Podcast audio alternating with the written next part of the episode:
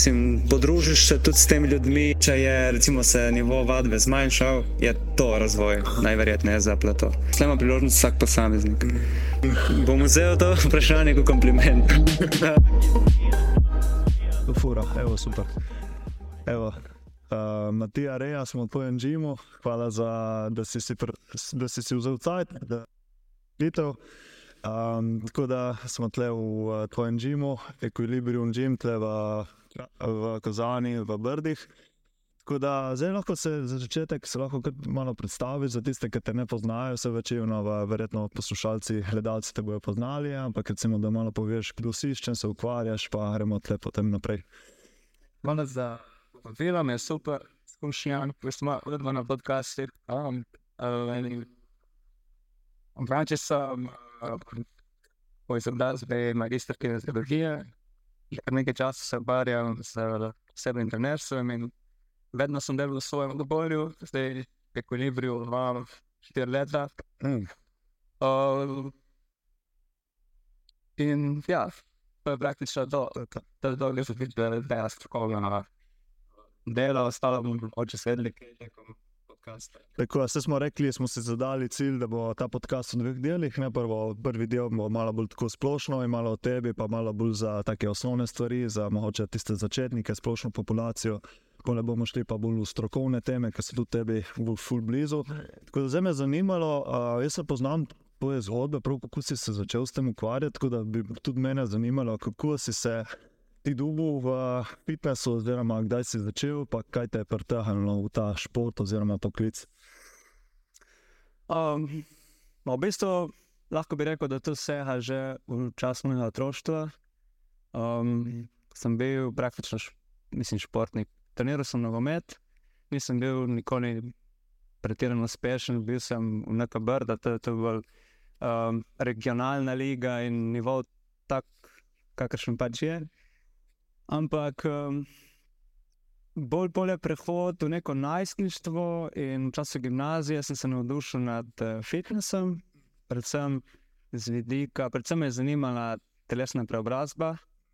In um, v bistvu zaradi tega mi je bilo zanimivo um, to področje športa, študiranja športa. Sem videl, da me to fulj privlači in sem se odločil za študij um, kineziologije. Čeprav v bistvu na ogledu faksa sem šel samo pogledati matematiko, ker matematika mi je bila um, v bistvu od vseh predmetov najbolj blizu, tako, ampak ni me pa neki privlačila v smislu, da mi je bilo to tako izredno zanimivo. Ne? Tako da šport je bil, um, lahko bi rekel, moja strast takrat.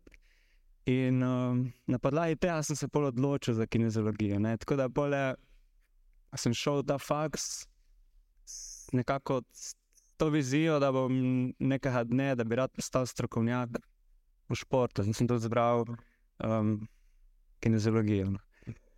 Uh, Potem sem bil na faksu v Ljubljani, na fakulteti za šport. In prvi stik s trenerstvom se je pač pokazal že nekih nas, skozi nekaj nasvetov, ki sem jih dal prijateljem, ki sem se pač ukvarjal z svetom. Um, prve, prvi zametki nekega trenerstva pa so bili, ko sem delal v bistvu diplomsko delo. Jaz sem imel um, 12, v bistvu to sem preučeval vpliv visoko intenzivne vadbe na zmanjšanje maščevja pri ženskah. In sem um, uredil sem nek program, ki je bil visoko intenzivne narave, in sem hotel preučevati vpliv tega programa na um, telesno sestavo, torej na to, kako vpliva na zmanjšanje maščevja. In tam sem videl, da mi je bila ta vloga trenerja full všeč. Pole na par teh uh, strank je ostalo z mano, mislim, strank teh uh, vadečih, ki so bili v tej preiskavi, in sem nadaljeval z njimi. Tako, v bistvu sem si pole uredil tle doma, ker sem uh, bil absolvent, sem si uredil nek mali home gym in sem imel tako par strank. Da se spomnim, ja, še tvojih uh, z Instagrama, ne tiste stare objave, kako si treniral, da ložim in tako. Se to je bilo, moče še malo bolj pole. Uh, pa sem bil, ja, absolvent, sem napisal to, to diplomsko nalogo, sem diplomiral in pa sem se odločil, da bom nadaljeval študij v Izoli, fakultete za vede o zdravju, aplikativna kineziologija, magister.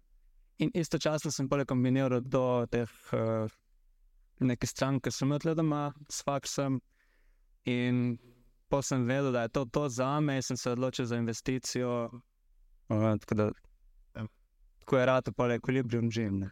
In tako smo tle noter lahko zene. Tako Da, jaz se spomnim, ko si prvič objavil, oziroma napovedal, da bo nov gim in se mi je zdelo full fine.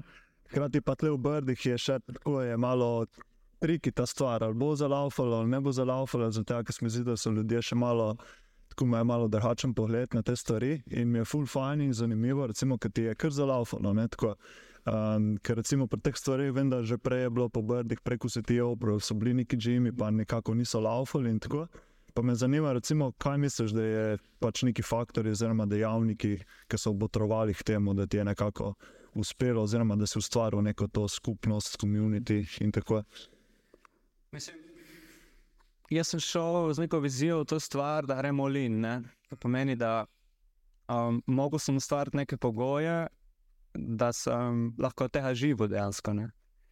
Um, se pravi, mogel sem razviti strategije, sistem, komunikacijo, stroko, strokovnost in razvoj znanja, da sem lahko dobil nekaj ljudi, da sem lahko postal nekdo, ki rešuje njihove probleme. ne. Um, in to se je skozi čas uh, pač bildalo, da je to zelo ufalo. V bistvu je za nek konstanten napredek, ki ga probiš delati, izboljševati sistem, prepoznavati lastne napake, jih probiš zmanjšati, odpraviti. Um, tako da na koncu nekako pre, privlačiš ljudi, ki, s katerimi si širaš neko uh, vizijo, ne? nek pogled na samo vadbo um, in na pomen neke telesne dejavnosti v življenju. Ne? Tako da skozi to, nekako skozi te korake, bi rekel. Ja, pole več različnih dejavnikov, ne samo biznis, ampak tudi pole te druge stvari, ne, se pravi cilji oziroma namen, poslanstvo. Ker recimo, zanimivo je tudi ta skupnost, ki si v stvaru tle, se kar čuti. Recimo, moja sestra trenira tle pri tebi, pa zdaj je tudi Mhm. trenerka. Ne, pa je zmeraj, odkar je začela tle pri tebi telovaditi, ne, je pravila, da je ta sense of community oziroma občutek skupnosti, ekipa in to, ne, kar se mi zdi, da je ful pomembno. Ne. Jaz se strinjam, mislim, um, zaradi neke skupnosti človek rad pride sem, ne? se podruži s podobno mislečimi, nekako si um, na istem si. Ne, ne vem, mogoče sem dobil tle v tem, v mojem okolju, oziroma v tem džimu, nek um, sloves, da je tle treba delati. Ne? Da pač človek, ki pride sem, bo treniral in nekako tisti ljudje bolj tle ostanejo. Ne?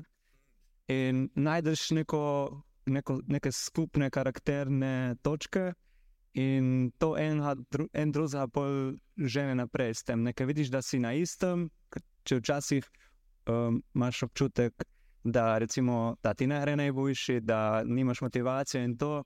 Pol vidiš druge in te potegne ta skupni vibe naprej. Ne? Tako da uh, jaz mislim, da je to nek glavni razlog za ta komunity, ki ga imamo tlene. Um, Sicer mogoče um, recimo z nekimi skupinskimi vadbami lahko stvariš še večjo skupnost, ker pač delajo vsi isto in zadeve malo bolj podobne. Ne? Ampak tudi na ta način um, tle sem videl, da pač človek, ki je nekaj cajt, tle se počuti precej domače in to tudi vidiš. Uh, in to mi je res dola stvar, ki nam je uspelo tle doseči. Ne. Ja, to pa res je. Recimo, verjetno boš tudi kakšne bivše športnike, tudi pole športniki to iščejo, verjetno ne ta timski duh, ki je jim manjka od športa. Ne. Da je recimo meni ful manjka, ker nisem več v odbojki, ne tisti ekipni duh, oziroma tisti, da si neki skupnosti, ekipi in to. Uh, zdaj bi te pa vprašal, glede uh, imena. Mi je ful zanimivo, poznam štorijo za imenom Equilibrium, pa me malo zanima, če bi malo, malo razložil, se pravi, kaj je glavna filozofija za tem. Mislim, uh, ime mi je bilo, iskreno povedano, ful težko zbrati. Ko sem kar nekaj časa razmišljal, kakšne ime dati zdaj tle. Um, prvo sem imel idejo, da nam dosti kompliciram, bi dal ime kar briška telovadnica. Pa je, je imelo malo vajpuno briška pekarna. Ne? In pa sem rekel, ne, ne more biti to. In pa sem iskal nek bolj uh, latinski izraz za to. In ekvilibrium v bistvu pomeni ravnovesje. Um, in v bistvu zgodba za tem je, da vsak človek, ki pride sem, vsak posameznik, prova najti neko ravnovesje.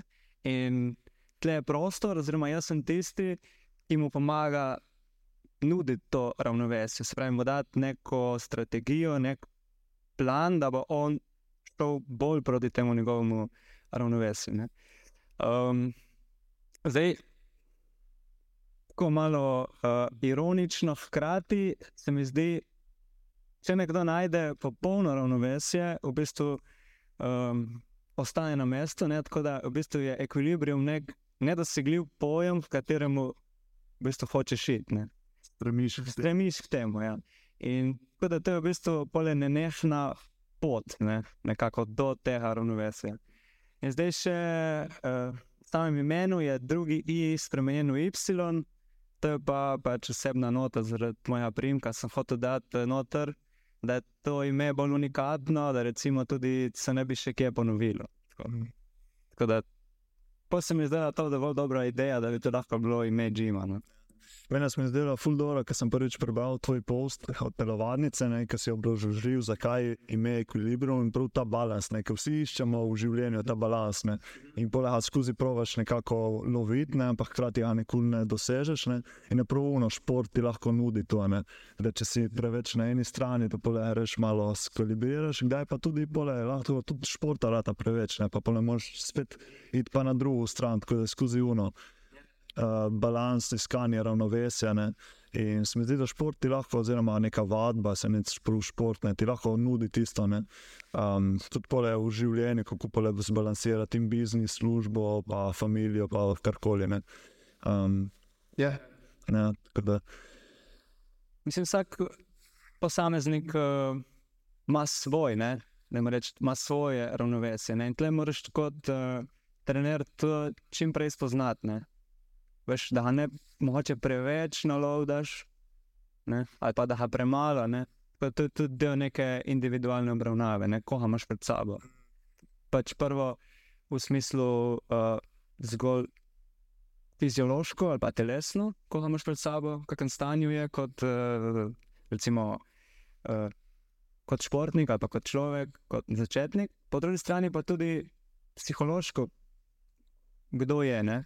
Mislim, ali je nekdo, ki potrebuje zgolj malo, ne, za ne, vadbo, za neko dobro počutje in je to, njegov, je to njegovo uh, ravnovesje, ali pa je nekdo, ki hoče res nekaj več. Ne.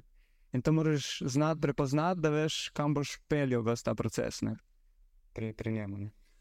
Tako da, recimo, zdaj, če gremo v primer, kar vadbo, zdaj, recimo, če prije kaj nov do tebe, kakšen je tvoj pristop, se pravi, prvo, verjetno neka osebna ev evaluacija in pole, kako naredi se plan in pole, tako naprej. Recimo, tako, če bi kakšen začetnik želel, kakšne so neke take stvari, ki se jih ponovadi pri tebi lotiš, pa pole um, sklajuješ in tako.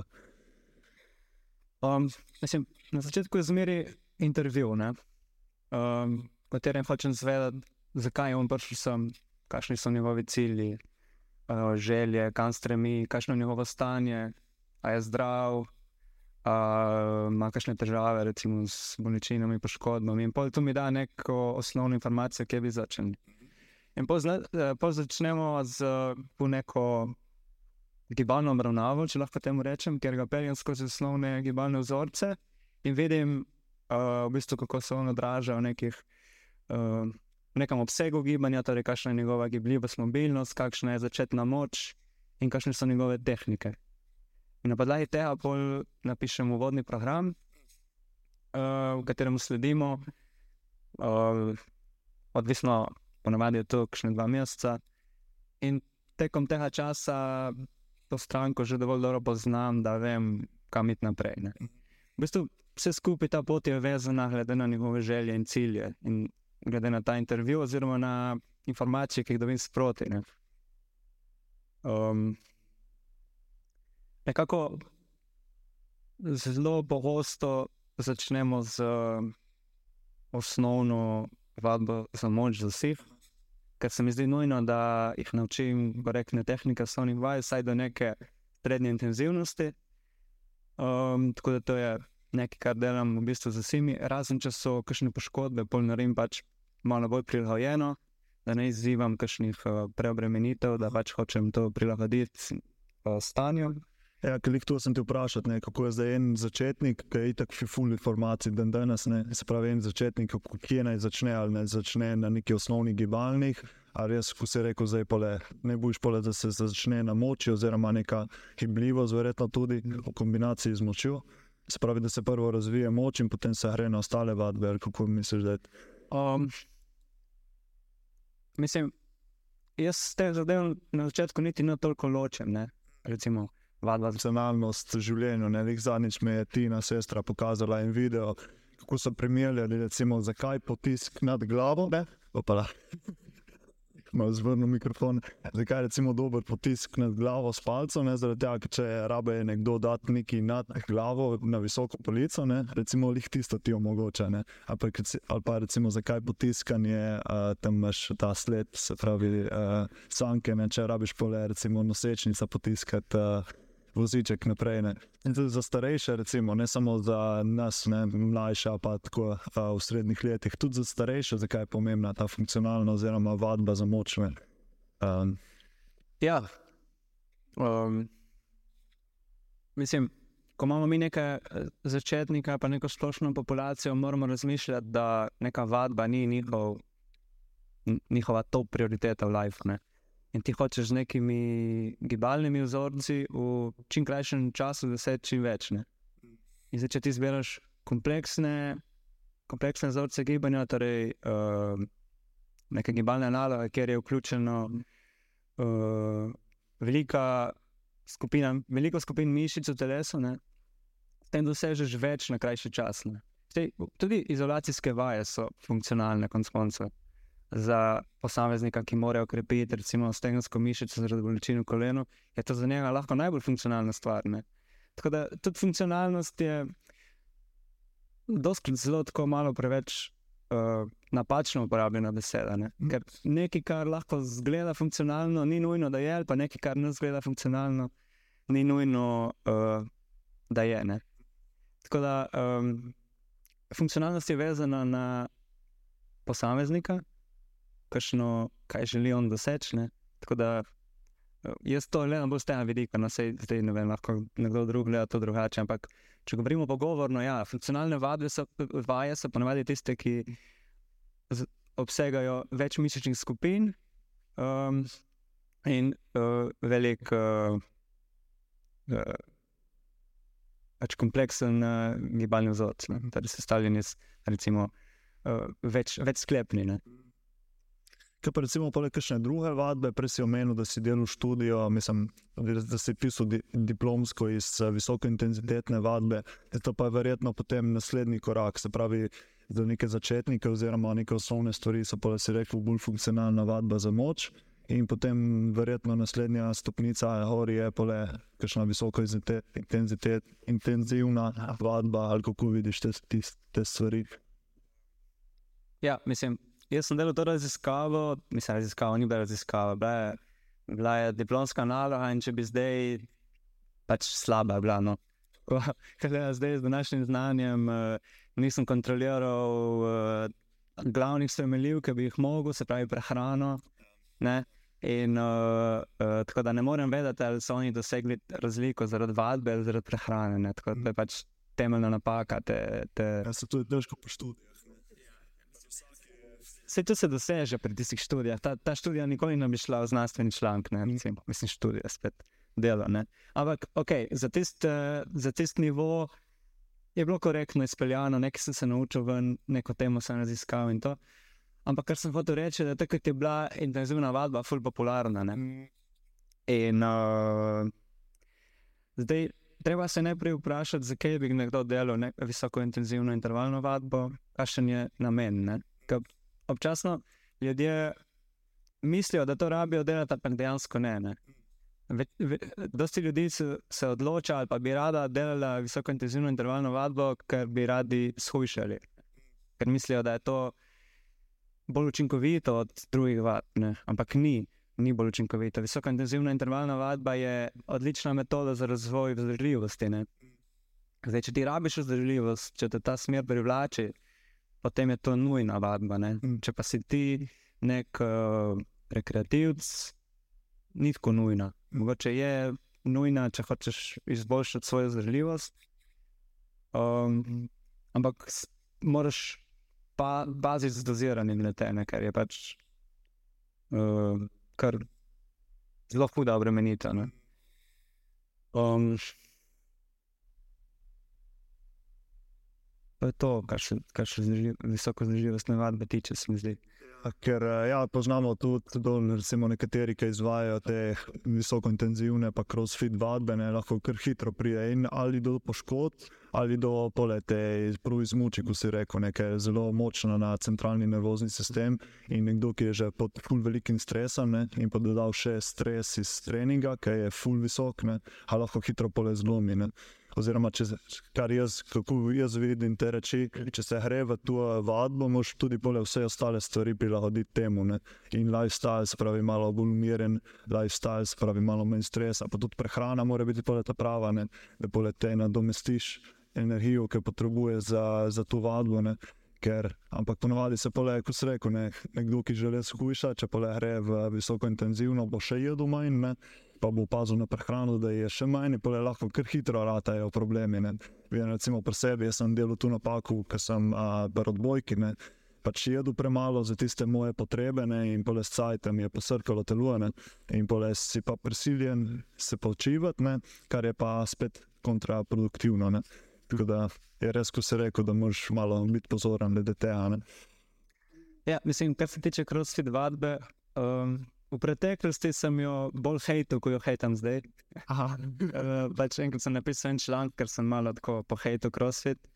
Uh, ampak zdaj mislim tako, da vsaka oblika vadbe, ki spodbuja več ukvarjanja s telesno dejavnostjo, je pozitivna v osnovi. Mm. Um, zdaj pa, kar se crossfita tiče, treba biti pozoren, ker običajno so uh, te vadbe vezane na nek čas. Mm. Torej, hočeš, mi se stremiš k temu, da narediš čim več ponovitev v določenem času, ali pa uh, določeno breme čim večkrat, spet v določenem času. Tako da priješ v neko stanje, ko si zelo utrujen. Ne? In ko si zelo utrujen, bojo napake v tehnikah večje, večja bo možnost za te napake. Zdaj, če se te napake nalagajo in nalagajo, lahko pride do določenih uneti teh predelov, določenih predelov telesa. Ne? Tako da um, tle je treba biti uh, pozoren na to, kakšna je naša kvaliteta gibanja. In glede na to, da recimo so neki začetniki, uh, nimajo dobrega nadzora nad, uh, nad gibanjem oziroma nad kontrolo uh, njihovih teles pri obremenitvi, je crossfit v bistvu ni najboljši, um, niso, niso prisotni najboljši pogoji za pač ohranjanje neke tehnike, ne? kar je ključno pri, pri začetnikih, da je glavna poanta v prvih parih mesecih, je, da se oni naučijo kvalitetno gibati, da dobijo te znotraj in medmišične, um, znotraj in medmišično koordinacijo, da, da osvojijo, da, dobijo, da postanejo malo bolj, ta gibanja malo bolj avtomatizirana, da potem, ko pridejo večja bremena, oni že to znajo. Uh, tako da to jaz vidim kot potencialni problem crossfita, ampak se ga seveda pa da prilagoditi posamezniku. ne. Uh, z izbiro vaj, ki so recimo manj agresivne, uh, z izbiro mogoče, da delaš več na trenažerju, kjer tehnično praktično ne moreš faliti, recimo če greš na neko kolo ali na solta. Um, ali pa da daš nek sled puš, ker je predvsem koncentrična varianta potiskanja, ker je manj uh, ekscentrično-koncentričnih kontrakcij, torej več, manj je tega uh, nabijanja na telo, če se lahko tako izrazim. Ne? Recimo, ko je pa nekih skokih, ali pa recimo, ko izvajo tisto vajo wall ball, ne? ker vsakeč pade tista šestkilska bala na rame dol. Ne? Uh, se da, tudi, tudi crossfit vadba tako prilagoditi, da je za nekega nadaljevalca ok. Ne? Um, bi pa, ne vem, tistim, ki se radi ukvarjajo s crossfitom ali pa ki bi začeli z njim, bi priporočil, da v začetku pravijo neko da jim reč, pripravljalno obdobje, neke uh, osnovne krpilne vad, vaje, vadbe, da, da, se, da dobijo neko povišeno toleranco telesa za te večje napore. Vse pa je to čisto ok. Tudi, če gledaš. Uh, Pojav prevalenca poškodb po crossfitu spet ni tako visoka. Ne? A, okay. v, v nekih uh, kontaktnih športih, športih žal je tega bistveno več. Ne?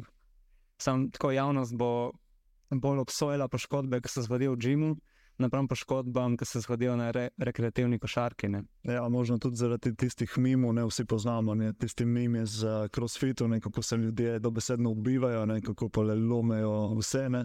Ampak se mi zdi, da tisto je, kot si rekel, verjetno je manj, ko se. Mislim, bolj se izpostavlja tisto, da te ake. Mislim, ekstremi v vsakem obnašanju bo izmeni prišli ven. Ne? Ja, se to, to. Zdaj se je pač. Crossfit je zanimiv za marsikoga. Zgleda, ok, zgleda zanimivo, pestre, pestre vsebine, dosti vaj, kombinacij. Tako. Uh, zna biti bit privlačna vadba, ampak ni pa superiorna v nobenem primeru. Ne? Recimo za razvoj moči ni superiorna klasični vadbi za moč. Za razvoj vzdržljivosti isto ni superiorna neki uh, vzdržljivostni vadbi.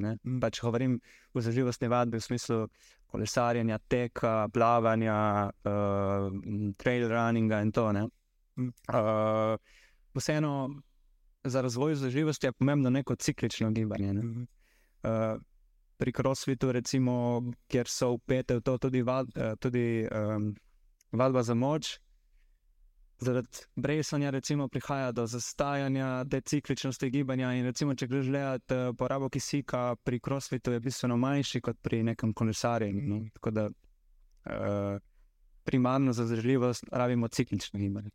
Pa recimo, kakšni so neki tvoji principi, če recimo prišel nekdo k tebi, jaz bi želel izboljšati in moč, in pa malo pač delati na kardio, se pravi vzdržljivost, kako pa le to integriraš skupaj. Ali je recimo, pač mene to, recimo tudi mene to osebno zanima, kako pa le hkrati krepiti in moč, se pravi, da si močnejši in da pa le lažje upravljaš funkcionalne stvari v življenju, in hkrati tudi delaš nekaj na, na kardio, ja, po domače povedano. Uh, ja, jaz te zadeve ne reši ločem. Ne? Zdaj, če se da ločim na različne dneve, če pač posamezniku dopuščam to možnost, časovno možnost, vem, da ima čas za več treningov na teden, in če ne jih ločim, glede na uh, trening. Mislim, v enem treningu na začetku naredimo moč, drugi del treninga je bolj zdržljivost. Tako da je uh, absolutno to delam. Z nekaterimi strankami tudi jaz tako treniram, zdaj zadnje čase, v bistvu delam malo za moč in, in kardio, ločeno po dnevih.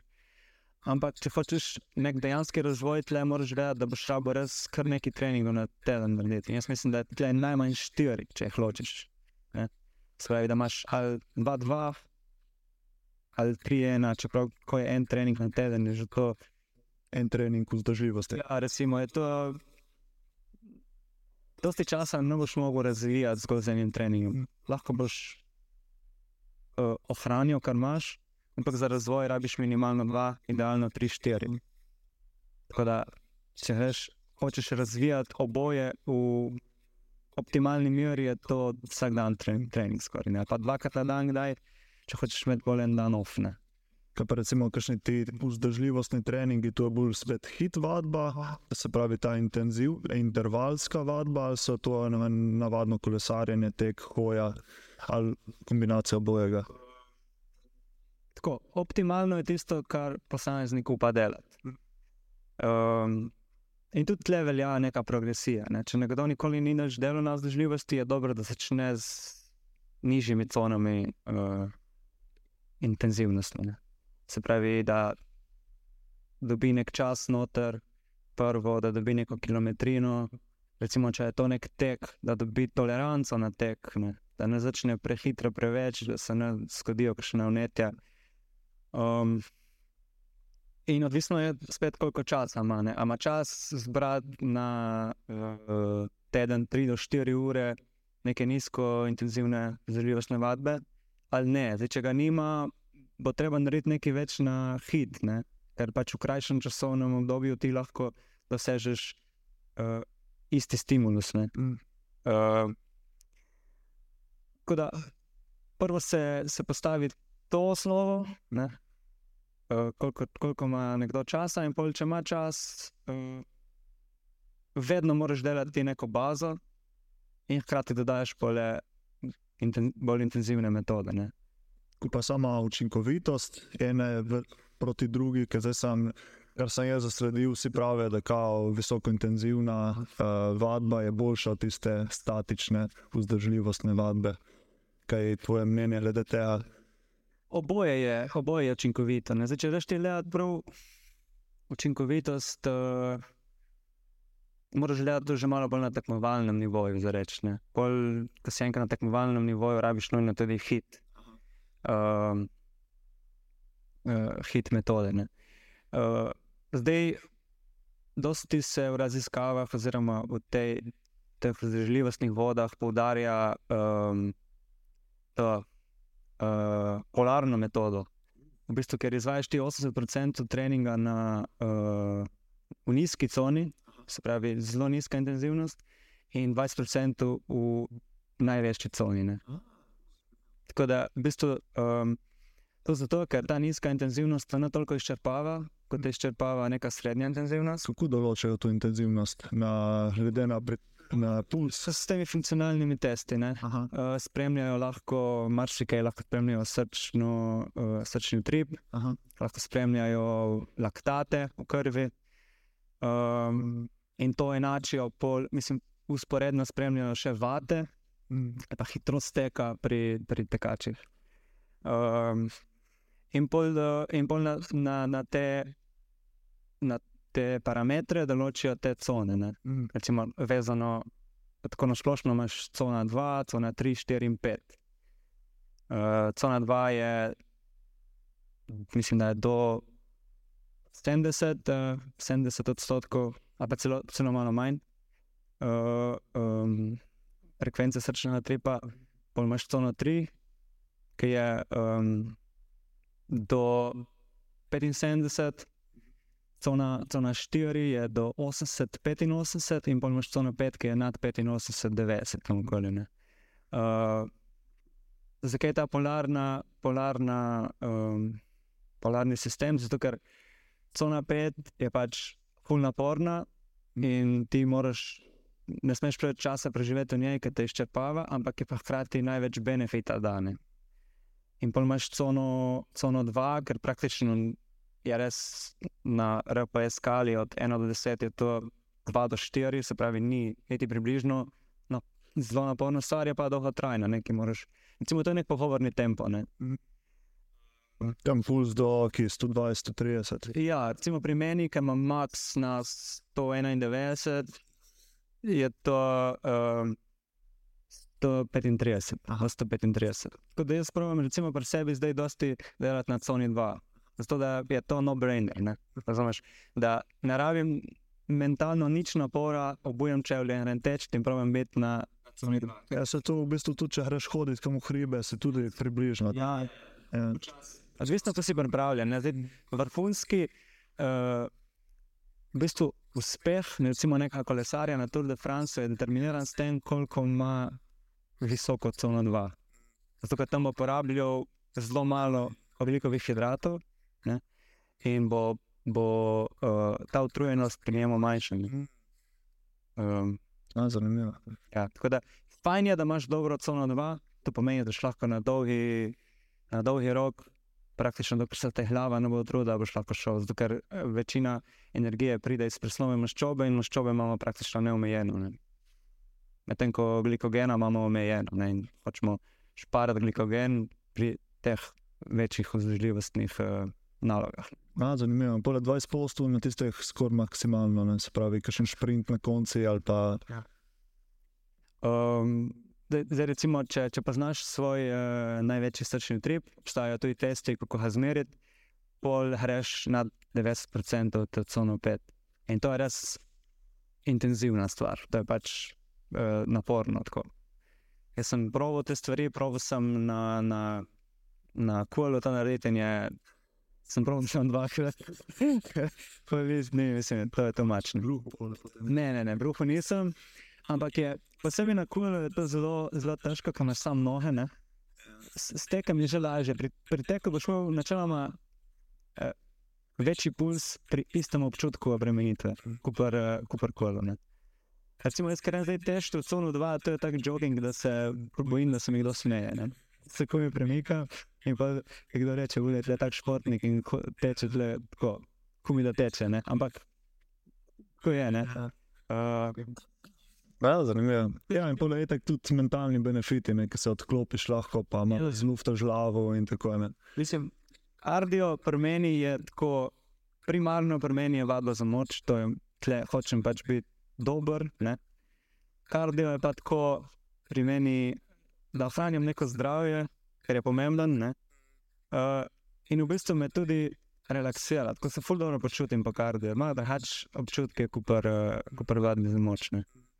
Um, tako da v preteklosti sem se že zakockal, ker sem preveč hotel istočasno oboje, oboje uh, razvijati in me je sulo.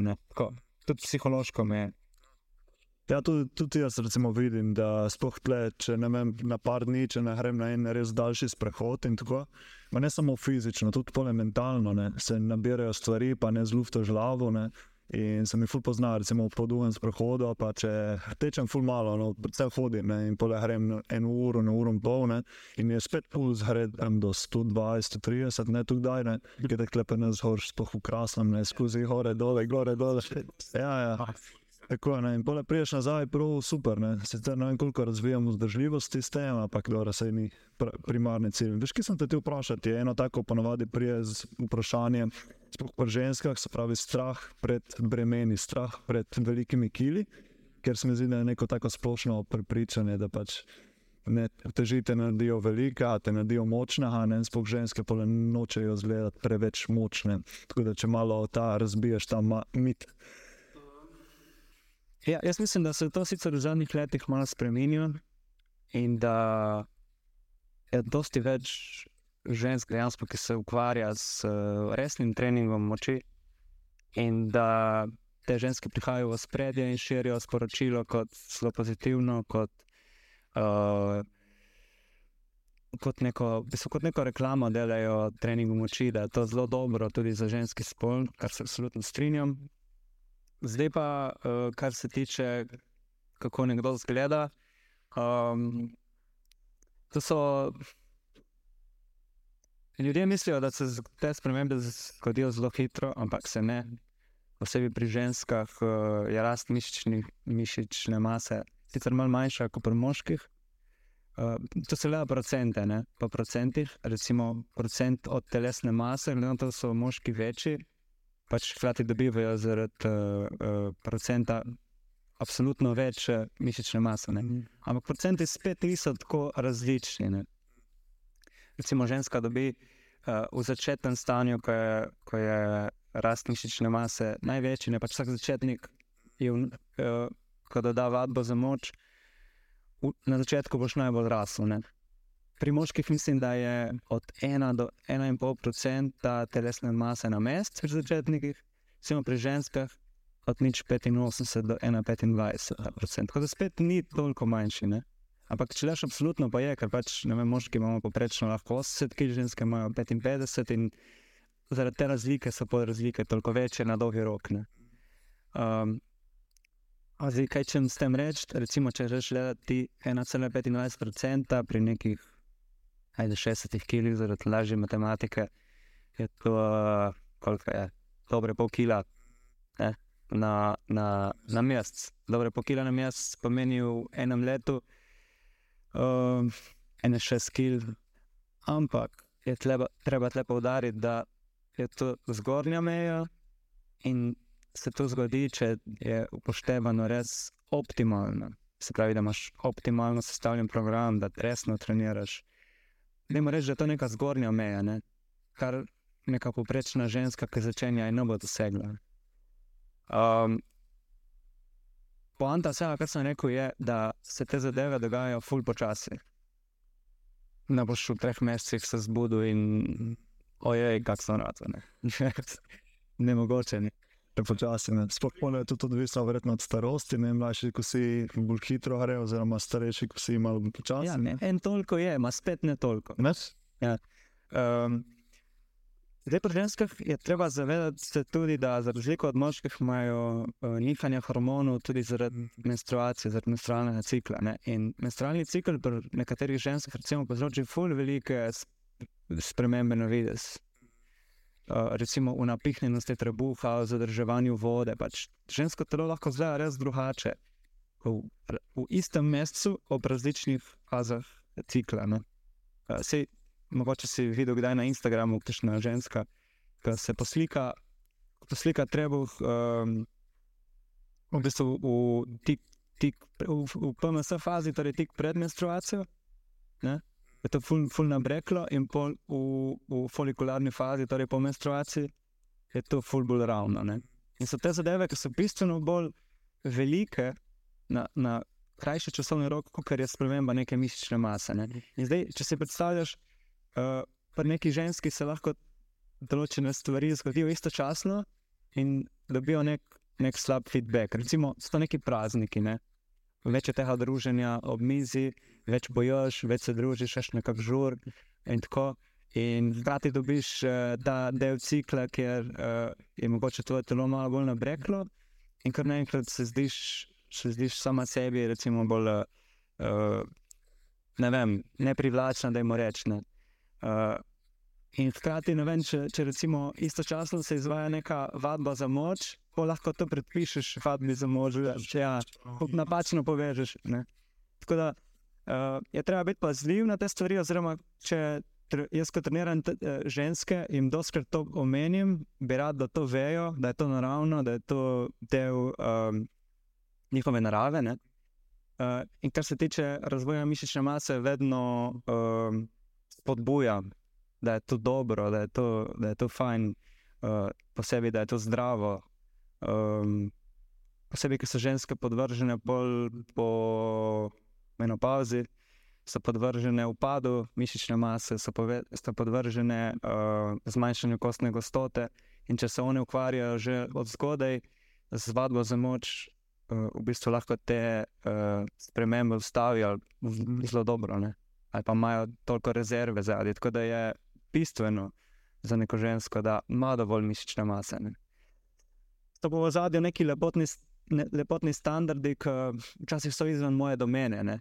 Zdaj, kaj bo jaz, ne morem jaz reči, da uh, neki ženski, kako naj se ona počuti v svoji koži. Pač lahko ji povem svoje mnenje, kaj je zdravo, da je to ok. Um, še vedno pa je treba biti le malo pazljiv, ko pač govoriš o, o videzu, ne? ker to je lahko zelo občutljiva zadeva. Um, definitivno pa ne uh, se izogibam, oziroma ne podpiram nekemu nesmiselnemu hujšanju, ker to še poveča pol možnost za. Uh, preniski vnosi, to je doskrat uh, prisotno pri ženskah. Hočejo, hočejo hujšati, polnilsko nos energije, srečna trening, nahrana najboljši, regeneracija slaba. Um, se poruši vse pole. Ja. Pri kakšnih športnicah, kakšne športnice, ki tekmujejo, kakšnih estetskih športih, so precej podvržene temu. Uh, razvijajo red sindrom, izguba kostne gostote, izguba. Mislim, zmanjšanje kostne gostote, izguba menstruacije. Pomanjkanje energije. Ja, ja. To, to, to je problematično, na to je treba opozarjati. In kot nek trener, ki dela ženske, moraš to znati videti. In če je treba usmeriti naprej, če to postane uh, situacija taka, da ni več v tvoji domeni, da bi to reševal. Ne? To smo imeli, smo posneli z Urošom Perkom, dr. Urošom Perkom, prav na to temo neoduševnega zdravja. In če kakšnega poslušalca, gledalca zanima, bom uh, dal v povezavo od spodaj. To mislim, da je bil deveti podcast. Ja.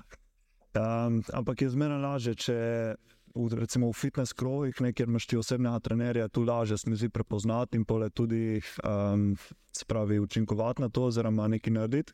Medtem ko v športih nekjer zahtevajo, pole športi še nizko telesno maso, ne, pa še toliko teže, ker so tudi, tudi uroš umenili, da so pač konflikti interesov, Tek, tekmovalka mora biti lažja. Ne. Hkrati, če je lažja, bo imela bolj boljše rezultate, tako da je nek pritisk od zadaj trenerji dajo nek dodaten pritisk. Ne. Ampak je pole zmeraj pa lažje pole v fitness krogih, čeprav v fitness krogih je pa full prisotna, oziroma tako na splošno, pa socialna mreža, kjer pole spodbujajo pač neke mogoče ideale, ki niso jih najbolj zdrave. Ne? Tako da je pole. Plus in minusi so. No. Ja, ja. itak. Treba se zavedati, da uh, v socialnih omrežjih prihaja do nekega survivorship bias. Ne? To pomeni, da v um, ospredje zaradi algoritmov prihajajo ekstremne stvari, zanimive stvari. Med njimi so uh, slika, slike teles ljudi, kar določeni ljudje radi stavijo na, na socialna omrežja, pač njihovo postavo, zato ker je pač nadpovprečna, izjemna. In to so stvari, ki se širijo naprej. Ne? Tako da uh, problem je, če se začnemo s tem uh, enačiti, ali pa če, no, če to jemljemo kot nek idealne. Ker večina teh, uh, večina teh je nedosegljiva, ker se recimo, kdor, kdor ima res izstopa, tle je genetsko superioren. Uh, mislim, ne pravim, da ni, absolutno je tudi trdo delo zadnji za vsem tem in temu ne oporekam. Samo, ko se te dva, dve stvari povežeta, pol dobimo res te izjemne, uh, izjemne postave, ki pol hodijo ven in mi jih vidimo uh, na dnevni ravni, ko štrkamo po telefonu. Lahko, in pa, če se s tem primerjamo, to ni najboljši za našo samo podobo. Recimo, mislim, dobro je, da se zavedamo, da realen svet ni tak. Ne? Dejansko, če jaz opažam, uh, večina, večina žensk, ki hodi, hodi tle, je v neki populaciji realno izjemno nadpoprečna, ne? v moči, v mišični masi. In, tako, in to je tisto merilo, ki se ga moramo zavedati. Ne? Treba se zavedati točnost informacij in podatkov, recimo, uh, kaj pomenijo socialne mreže. Sej, kaj enkrat zavestiš, te zadeve je lažje. Zdaj, če tega ne veš, je mogoče malo težje. Ja, problem je, zdi, kar, kako jaz vidim, je, ta socialna vpliva tudi na podzavest. Ne. Spravi, ti dosti krat nezavestno skrolaš ne, in te stvari ostanejo v podzavesti in tisto te tudi s cilji nekim ciljem, ki niso lihuna. Pravi, ne, oziroma, ta drugi problem, ki smo dobili tudi vprašanje, aha, sledilca, je pa recimo v teh poplavih uh, trenerjev na socialnih omrežjih, kako prepoznati tiste prave, oziroma kako prepoznati neko kvaliteto v nekem osebnem trenerju, ker dosti krat je sploh zdaj v tej dobi, so bolj uspešni, oziroma uspešni na vidi, so pač tako v narekovajih uspešni. Tisti, ki imajo velik following, ki so naredili svoj, svojo. Um, Ljudi, ki jih spremljajo skozi svojo postavo, oziroma skozi svoj videz. Ne? Tako da, mogoče, kako ti gledaš na te stvari, oziroma kako ti prepoznaš neko, komu zaupati kvaliteto, posebno trenerja. Mislim, bolj, meni je bolj pomembno sporočilo, kaj širijo, ali pa vsebine, ki jih širijo. To so tiste zadeve, ki za mene um, določajo, da nekomu sledim, da mi je zanimiv.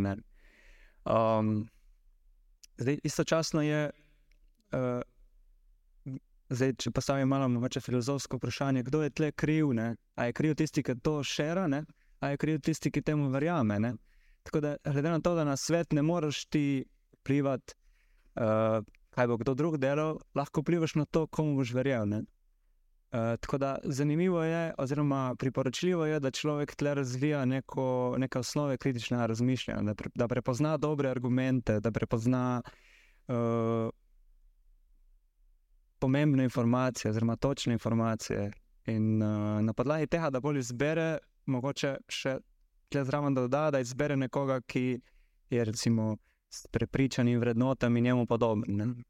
Um, kar se tiče samo promocije preko telesnega izgleda. Um, če si trener, jaz mislim, da to ni primarna zadeva, ki bi jo lahko delal, ker uh, v bistvu v sprednji morajo biti tvoje stranke, primeri, kaj si uspel. Da, da, mislim, kako si lahko nekomu s to strokovno pomočjo pomagal, da je bil boljši, oziroma pomagal doseči nekaj, česar ne bi mogel sam. Ne? To je po mojem poantu. Zdaj pa, ja, sej, tudi jaz sem bil v preteklosti, sem dal kako sliko svojo gor. Uh, in na nek način je pač to reprezentativno tebe, pač to delaš, ampak ne smeš biti poanta v tem. Ni, ni to ključno. Ne? Ni to tudi neki, mislim, motivacijsko lahko je, ampak jaz gledam na motivacijo malo drugače, kako jo doseči pri posameznikih. Ja, jaz sem tudi, recimo, pred leti sem se ful um, sekiral, glede na to, sem se obremenjeval uh, zaradi teh socialnih, ker se mi zdi, da smo si kar. Ja, Pač podobno, jaz smo tudi po to filozofijo, reč verjamem tistim, ki so res pristni. Ampak hkrati me je včasih me je frustriralo, da nekateri, ki so še začenjali, recimo s prehrano, ki so začeli, ne, so kar naenkrat dobili full velik following in full enih strank, zaradi tega, ker so imeli pač bolj tako so bili bolj uh, kot osebnosti, malo bolj uh, sledljive. In, in pole, tudi, kdaj sem se pole, um, me povleklo v to, da sem šel v neke argumente na socialnih omrežjih, oziroma v neke spore.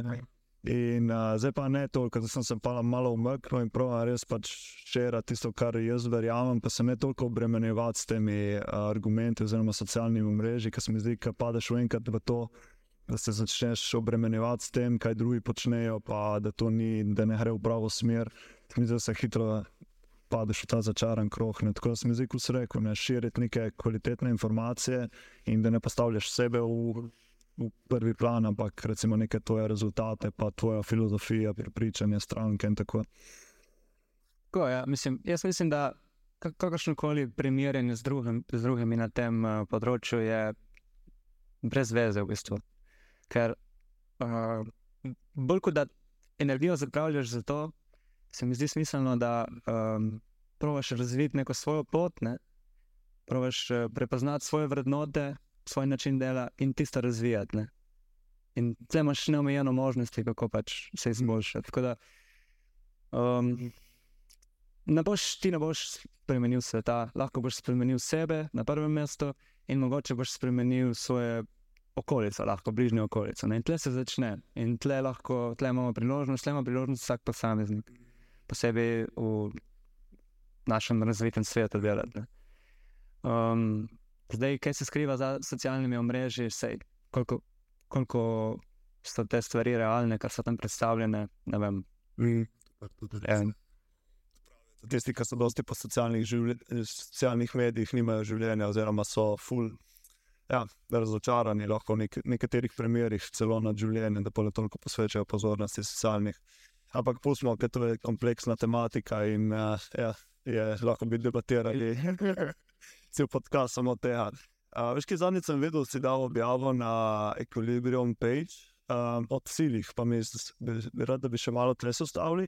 Spravi, te, v tisti objavi si napisal, da v bistvu si govoril o tem, da v nekaterih primerih pač ti za vadbo oziroma za neko trening fitness ne rabiš ciljev določenih, ampak je boljše oziroma je dosti več dobiš iz tega, če imaš neke cilje, uh, zakaj to počneš. Da moče se ustaviš malo pri tem, zakaj cilji, pa tudi kako se jih postavljati. No, zdaj, recimo, nekdo, ki začne z vadbo, kako recimo, se izbere nek cilj, ki mu polega, kako pohanja potem naprej. No. Mislim, na začetku so cilji predvsem zelo splošni. Ne? Rad bi, da vem, dosti ljudi, rad bi izboljšal svojo kondicijo in to je tako. Uh, nek cilj, ki ga zelo pogosto slišim. Ne? In jaz vem, da bom s osnovnimi metodami uspel to doseči. Ne? In pol v sodelovanju in s komunikacijo in zapazovanjem vidim, kje je ta človek bolj talentiran, kam, kam, um, kam ga usmerja. Je dober v v težeh, ne? ali mogoče malo boljši v kalisteniki, aha, privlačijo uh, kardio naprave. Uh -huh. uh, in na podlagi tega pravim malo uh, dobiti več informacij, kaj je žene. Kaj mu je zanimivo, kaj uh, res rad dela. Ne? In tam pravimo določiti neke cilje, ki so tako ambiciozni, ampak realni hkrati.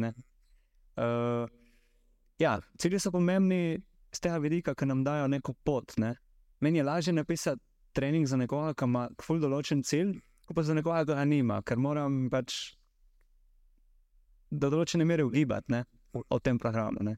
Če pa imam zelo jasen cilj, če pa ima nekdo zelo jasen cilj, je pa program res enostavno napisati. Uh, da, um, ja, cilji nam dajo neko, neko pot, nek fokus in neko ustrajnost, takrat, ko jo rabimo. Kader nimamo motivacije, kader smo na tesnem času. Um, pripomorejo k temu, da se bolj organiziramo, da najdemo čas, da se pripravimo. Ne? Recimo, če vemo, da smo na tesnem s časom, že par dni prej pravimo nekaj narediti za to, da prijemo na trening pol konc tedna, ne, ne pa prepustiti na ključu in pa zadnji dan uh, spustiti trening zaradi obveznosti. Ne. Tako da uh, cilji v bistvu povečujejo neko organiziranost, neko doslednost in konstantnost. Ne. To, to je poanta. Um, je pa važno, da so cilji res tisti tvoji, ne, individualni. Torej, da ne izbiraš ciljev zato, ker si nekje to videl, da bi mogel tako, recimo, izgledati, ali pa zato, ker ti je nekdo rekel. Da res izhajajo. To, kar se zdi super. Ja, ja ali pa da ni to nek social pressure, gol. Ne. Uh, ampak da je res, ne vem, uh, hoče narediti deset polapov, so kakšni polapi res fuldori. Ne.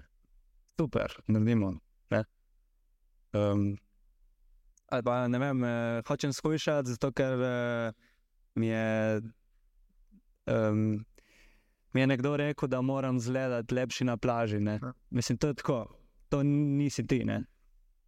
In, uh, tle, recimo, če vidim kakšno disociacijo med uh, dejansko želenimi cilji in med tistimi, ki so sporočeni, pravi malo bolj vrtati noter in ugotoviti, res kaj ga privlači, kje je njegova iskrica v, Mm. V povezavi z vadbo. Ne? Selik, to sem te vprašal, kako pa nekomu pomagaš, da prije do nekih lobih ciljev. Uh, prvo moraš pokazati, da je sposoben. Ne? Se pravi, mu sestaviti tak program vadbe, da on napreduje. Ne? Ko mu pokažeš, recimo, da mi uh, beležimo vse treninge, ki jih naredimo, da imamo eh, pregled nad, uh, zmogljivostjo, nad napredkom. In rečeš, da je en mesec nazaj je bilo toliko, danes upaš toliko, vidiš, da ti gre. Čeprav praviš, da Mm. ne upaš, ne. pa le koliko recimo si naredil. ne. In pa on začne to zaveščati, začne biti pozoren na to. ne. Uh, tako da dobi tisti tist mindset, da, da zmore. Ne? To se mi zdi fulj pomembno. Da dobi samo zavest, nek pogum in to. In to je za mene res, uh, mi da veliko mero zadovoljstva, ker vidim ta shift. Ne? V, tisto, iz, v bistvu z neke zunanje motivacije, mogoče, ko nekdo misli, da uh, ko v bistvu je v bistvu motivacija za, za, za vadbo je zaradi tega, ker bi to mogel narediti. Ne? Recimo zaradi zdravja, recimo, tak, ali pa ne vem, če so prisotne kakšne bolečine, ali pa zaradi nekega slabega počutja, ker vidiš sebe, da ne delaš noč. Ne? Mm. In je to pa neka zunanja motivacija, ker bi bilo tako prav. In ko iz te zunanje motivacije prešalta v notranjo motivacijo in se spremeni miselnost v smislu, zato ker to hočem narediti, zato ker to zmorem in zato ker to želim. Ne? In to je tisti shift, ki ga rad eh, provam izvati z praktično individualno prilagojenimi pogoji, ki mu jih dam. ne. Tako, recimo, ambiciozni, realni cilji, specifični, da res da veš, da si nekaj osvojil. Ne. Recimo, raz, rad bi bil bolj močen, ali pa rad bi izboljšal kondicijo. Če imaš tak cilj in če ga ne specificiraš, ne, no boš točno vedel, da si ga dosegel. Zato je pomembno, da imaš specifičen cilj. Hkrati te pa oni, ko so rekli, neki cilji, ki so res tvoji, ki jih res čutiš, tisto te pole pohanja naprej, te vleče naprej, te daja, ja, te daja ne samo tle, v, kadar treniraš, pa tudi tako na splošno v lifeu dobiš nek zahon. Ne. Pole pa sploh, ko vidiš rezultate, ne. pole pa sploh ti da še toliko več zahona. Ne. Ja, v bistvu, uh, tvoje vedenje uh, poveže s dejansko identiteto, ki jo imaš. Ne? In to je pol neka stvar, ki deluje sinhrono in to je tisto, kar te pelje naprej in si v nekem flow. Ja, in kadar rata ti tu tvoja identiteta, pole si pa na konju. Ja, ja, ja. To je pravno iz knjige, ne, ta Atomic, Atomic Habits, rata tvoja identiteta in pole se navade poklopijo z identiteto. Ne. Tako da, ja. Ja, moraš biti, probaš si sinhronizirati se s tem. ja. Mm, tako, a, čakaj, da vidim, če imamo še kje iz prvega dela, ki smo rekli. Um, dobro, se, mislim, da z prvega dela, tako kot smo okvirno rekli, da bi govorili, smo vse zelo lahko gremo drugi del, ki je malo bolj, tako, malo bolj specifičen, oziroma lahko tudi malo bolj napreden. Bi začel kar z enim vprašanjem, ki se direkt, mislim, počasi se veže na to, kar smo to zdaj govorili. Eden je vprašal, en sledilec, oziroma tudi trener, um, je vprašal, kaj je boljše za zdravje in dolgoživost, ali moč ali vzdržljivost na moč. Tako da mogoče za začetek malo definiraš za tiste, ki ne poznajo razlike, in potem uh, se vežeš na to, kaj po tvojem mnenju bi bilo boljše tako za zdravje, dolgoživost in tako. Zdaj, moč in vzdržljivostna moč, v bistvu to ni črno-belo, ampak je nek spektrum, ne moremo reči. Ne? Uh, moramo vedeti, da mi bomo bolj sposobni razvijati silo v pogojih, v katerih treniramo.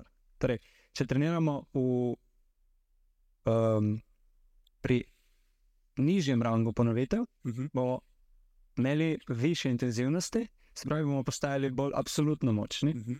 Medtem ko obratno, če bomo trenirali pri višjih ponovitvah, uh, bomo lažje izrazili, izrazili uh, stilo pri uh, teh malo nižjih intenzivnostih. Ne?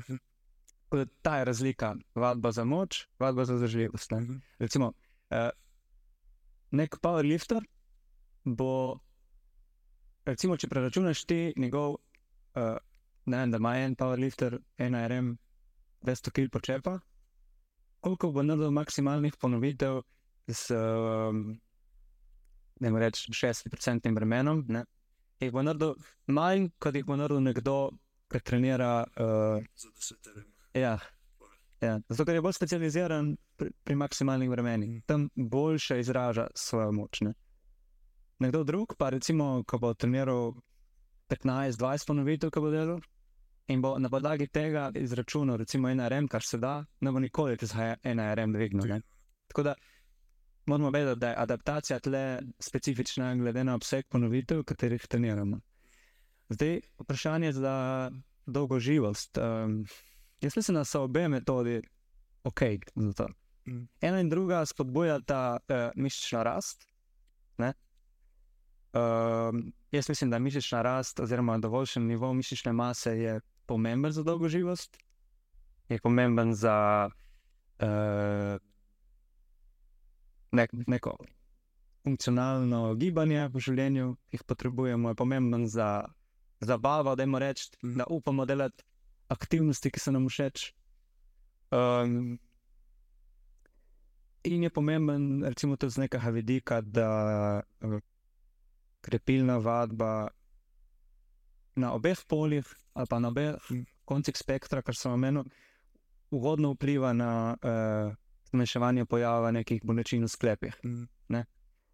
Jaz mislim, da ni nekih bistvenih razlik med eno in drugo varianto vadbe. Tako da uh, najbolj klasičen odgovor tle bi bil, da izberi tisto, ki ti je ljubša, saj boš tisto delo več, bolj pogosto, več cajta in bolj konsistentno. Ne? Kaj pa recimo izbiranje vadbe, to sem se ali zdaj mi je prišlo na idejo. Recimo izbiranje vadbe, glede na tvoje genetske predispozicije. Poznamo različne telesne tipe, tudi poleg kako si genetsko, nekateri so bolj močni, se pravi, absolutno močni, nekateri so bolj vzdržljivostni tipi. Kako pa recimo na podlagi tega se, je smiselno izbirati več vadbe za tvoj genetski tip, se bolj fokusirati na tiza ali bolj na tisto, kot si zdaj omenil, tisto, kar ti je ljubše, ali delati vse. Tako spet za, ne vem, govorimo o zdravju, dolgoživost. Um, jaz mislim, da je tle povezano eno z drugim dejansko. Ne? Ti boš delal tiste stvari, v katerih boš dober. Boš dober.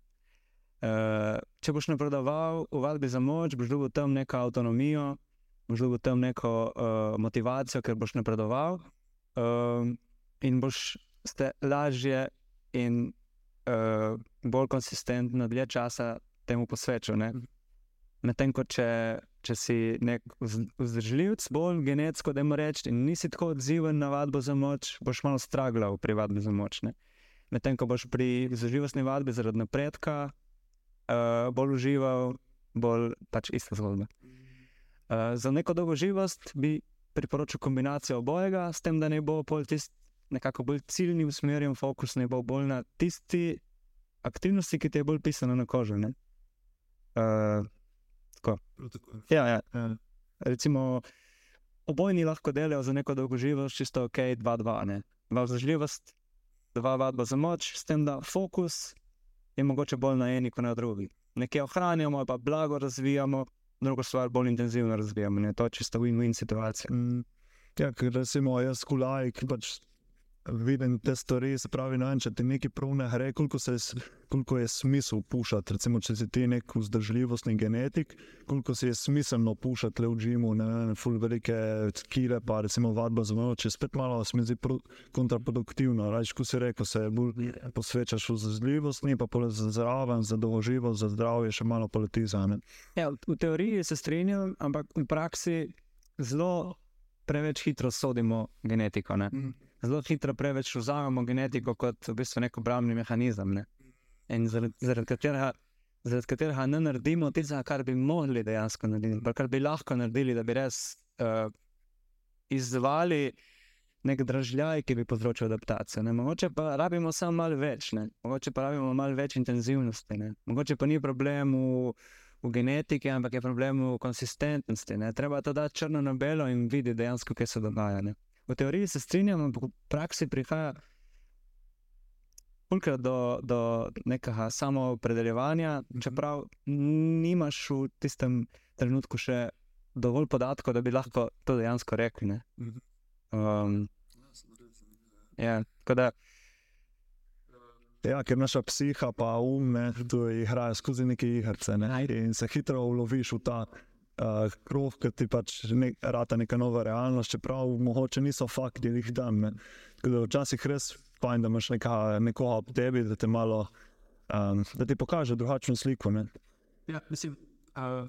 Še zmeraj, tudi če ti genetsko, recimo, govorim specifično za vadbo za moč, genetsko nisi tako odziven in ne dobiš uh, toliko mišične mase v istem času kot tvoji sovedeči, še zmeraj, uh, ali pa moči, še zmeraj so tudi drugi odzivi v telesu, ki so pomembni in uh, so uh, uh, pomemb, ja, pomembni za zdravje. Ne, če boš ti spremljal dovolj spremenljiv, ne boš dolgo non-responderje.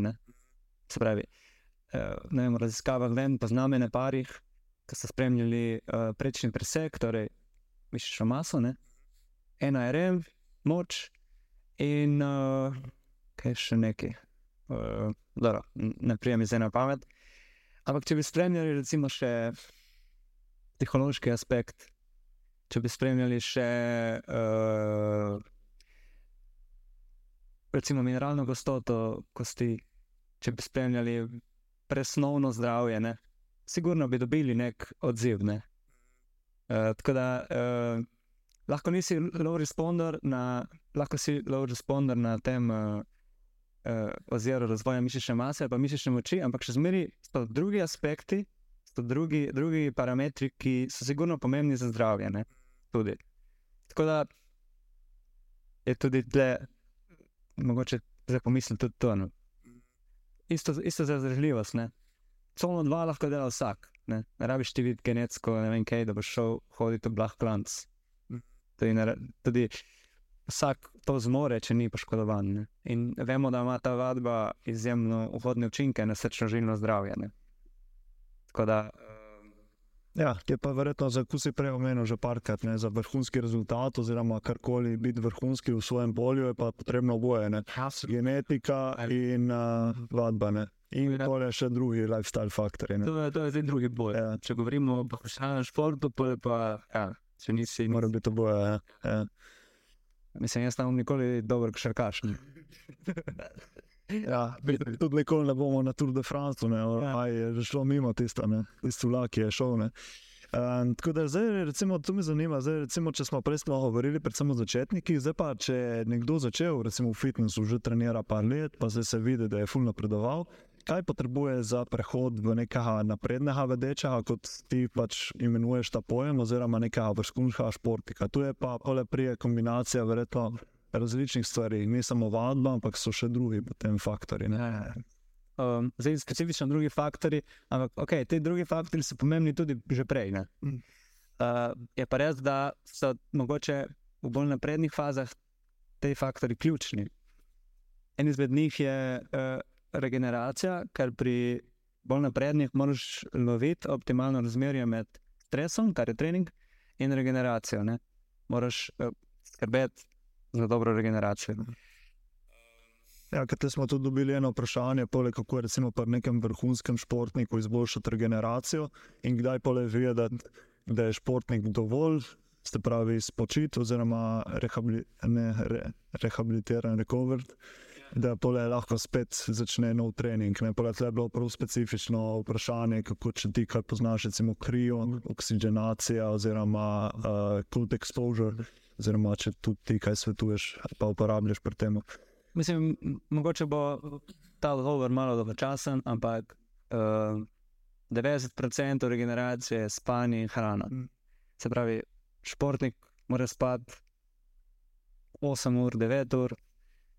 Ne, v, v, med spanjem se, se zgodi večina uh, regeneracije, in istočasno rabi telo ustrezno prehrano, da prvo kot prvo nadomesti vse uh, nutriente, ki so bili porabljeni med treningom, in da obnovi, uh, in, oziroma da telesu uh, prehrana zagotavlja vse potrebne, tudi mikronutriente, da pač telo pol konkretno deluje. In te, te dve zadevi so ključ. Um, Uh, regeneracije. In tle bi morali športniki dosti več delati na tem. Um, ostalo so vse neke bonitete temu. Zdaj, če to ne bo štimalo, ne bo nič pomagalo. Ne? Mislim, Ja, ja. Uh, jaz mislim, da športniki lahko dosti bolj, naj, naj se bolj posvečajo tem dvem zadevam, se pravi prehrane, naj dobijo nekega uh, športnega.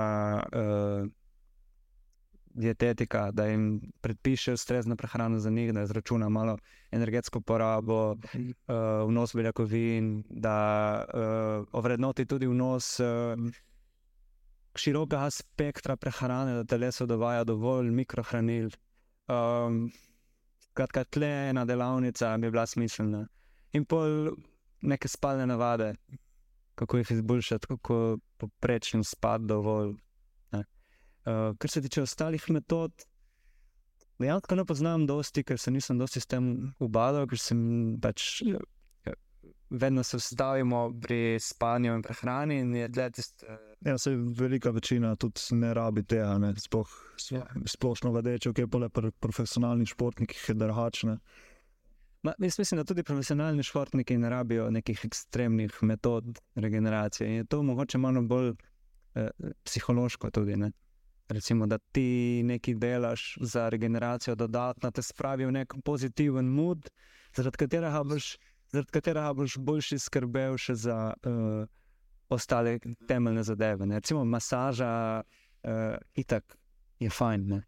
Isto. Uh, mrzli tuši ali pa ledene kopeli, mislim, da so za vzdržljivostne športe ok.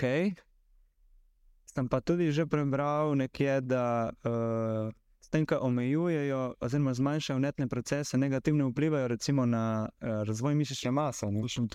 to sem htel izpostaviti, da ledene kopeli in tuši so, vedo, so fajn za regeneracijo, čeprav zdaj prihajajo fulejnih študij, da tudi za regeneracijo niso lih toliko, kot so mislili, da so. Ne. Je fulje, fulje mentalno, se mi zdi, predvsem ta kult exposure, predvsem za mentalno, ne, za mentalno jakost, oziroma ne, mentalno močnost. Ne. Tle vidim neko priložnost. Ja, Recimo, jaz tudi delam, delam da se, se, ko se končam tuširati, vedno dve minuti mrzle vode. Ne. Ma ne zaradi tega, da bi bil bolj spočit ali pa bolj regeneriran, bolj zato, ker mi je zanimiv feeling obadanja s tem. Ne. Ker v bistvu, ko prešaltaš iz normalne vode na mrzlo, je to vedno šok, vedno da živiš kot nek šok. In prvo, prvi odziv telesa je nek bek. Ne. Ja. Znači, skočil bi ven in ta, ta beg provaš eh, eh, ga dejansko začutiti in ga pustiti na stran in sprejeti tist, tisto mrzlo vodo in v bistvu tisti feeling je dor. Ja, ker tudi pole reg, um, reguliraš svoj nervozni sistem, pač tudi pomaga, se tudi naučiš, kako je jeti iz boja, ne nazaj v ta resen digest oziroma tisto. Ja. Tako da, Nekako je lahko neka vaja za handlat nek stres nenaden. Ne? Tako. Da ne, da se ne odzoveš, ampak da sprejmeš. ja, in pole so bolj.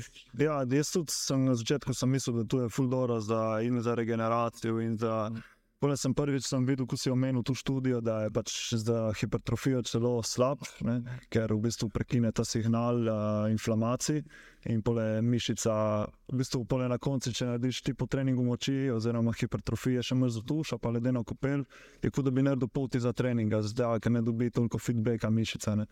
Ampak potem se mi zdi ta mrzli tuši, kopeli so predvsem bolj za dr- zdravje, dolgoživa, recimo kakšne te avtoimune bolezni, pa težave z, duš, težave z duševnim zdravjem, smo zelo bolj na tisti aspekt. Ne.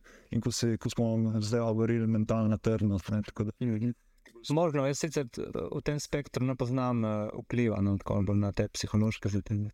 Tako da, kaj pa recimo enkrat ste imeli, mislim, da lani poletje ali dve leti nazaj, sem imel ene športnice tle na pripravah in si prav naredil objavo od uh, overreachinga in akumulacije utrujenosti. Tudi me zanima tako dober. Uh, Taka dobra debata, kako se pravi, itak za športni uspeh, oziroma za neko progresijo, rabiš tudi overreaching in nabiranje utrujenosti. Tako da me zanima, kako se pravi, se handla tudi dvoje. Se pravi, po eni strani rabiš to, po drugi strani pa nočeš, da je preveč overreachinga, kako lepa prije do kontra. Mislim, se to je bil tudi drugi del prejšnjega vprašanja, ki sem pozabil odgovoriti. eh, Kako vem, da je moj športnik, eh, ja, Zoblje. kako vem, da je dovolj regeneriran? Um, v bistvu tle je komunikacija ključna in neki, neki parametri, ki jih moraš spremljati. Obstajajo neki vprašalniki, ki ti nekaj povejo, in spremljaš recimo spanje, kvaliteto spanja, spremljaš neko počutje, neko, nek stres, razdraženost, uh, odnos do bližnjih. Ne? In Spet po mojem, z apetitom se da, ne, spet če, tudi če se vrt preveč, če nimaš apetita, pomeni, da si malo po. A pa obratno, če previsok je, oboje lahko je. Odvisno, kaj si nagnjen. Mm. Tako da imaš neke parametre, ki jih lahko spremljaš, eni so pač, da jim reči, počutje. In jaz sem imel ta vprašalnik, ki sem mu dal ime počutnik. V, tem obdobju so te moje športnice reševali to in smo spremljali skor. In ko smo videli skor, da je poprečen, smo rekli, ok, gremo naprej. Uh, ker je skor padel, smo ostali pozorni. Ne? In seveda so tle tudi, um, tudi druge zadeve, je performance, ki ga spremljaš, uh, recimo RPE vrednosti, to ti je znano. ne. Ja. Uh, se pravi, gre se za samo ocenjevanje napora ne? Pri uh, vadbi z bremeni. Zdaj, če so pri istih obremenitvah RPE-ji večji, vemo, da nekaj ni ok. Mislim, če je trend tak, ne? zdaj ena serija lahko je tehnična napaka. Ampak če vidiš, da je trend tak, vidiš, da telo ni, ni regenerirano. Ne? Po drugi strani je zgolj komunikacija. Ko ti poznaš športnika in ti bo nekaj rekel, se ne počutim najbolj spočit, se počutim utrujen. Um, se zjutraj zbudim, so sklepi malo bolj boleči, mišice bolj zategujejo, rabim več cajta, da prijem k sebi, rabiš več cajta za ogrevanje. Takrat je bolj tisto, kar je za spremljati. ne. Uh, do neke mere pri vrhunskih športnikih moraš pušati malo skozi to, ampak moraš pa biti zelo alert v teh primerih, da jih ne uh, preforsiraš, ker če jih bojo rabili za regeneracijo več časa, kot ga sicer. To pomeni, da jih boš mogel deloadati več, več časa, kot bi bilo treba. Ne? Tako da, kadar se, kadar sprije do tega, naredimo deload ponovadi, kar pomeni, da zmanjšamo dozo treninga in pustimo telesu, da se spočije. Se pravi, zmanjšamo. Pravimo zmanjšati nivo vseh stresorjev. Ne? Trening je samo en stresor, so v življenju tudi drugi stresorji. Dosti uh, teh vrhunskih športnikov je tudi nekih študentov ali pa imajo zraven še neko delo, ki niso pač profesionalni, da bi od tega lahko živeli. In morajo zraven handla še cel life. Ne? In to je ful težko.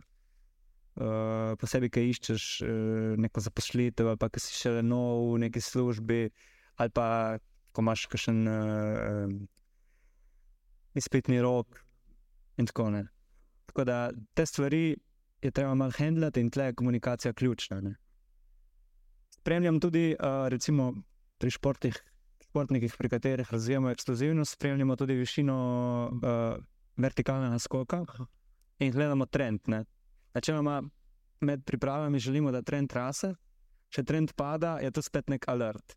In pa imaš več teh spektrov. Ne.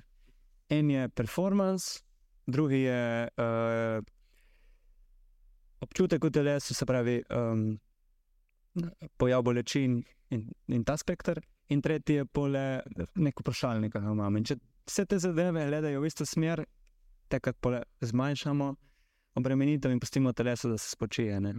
Jaz eh, uporabljam ta, eh, se pravi, vezano na neko avtoregulacijo treninga, ne uporabljam nekih fiksnih schem, recimo tri tedne.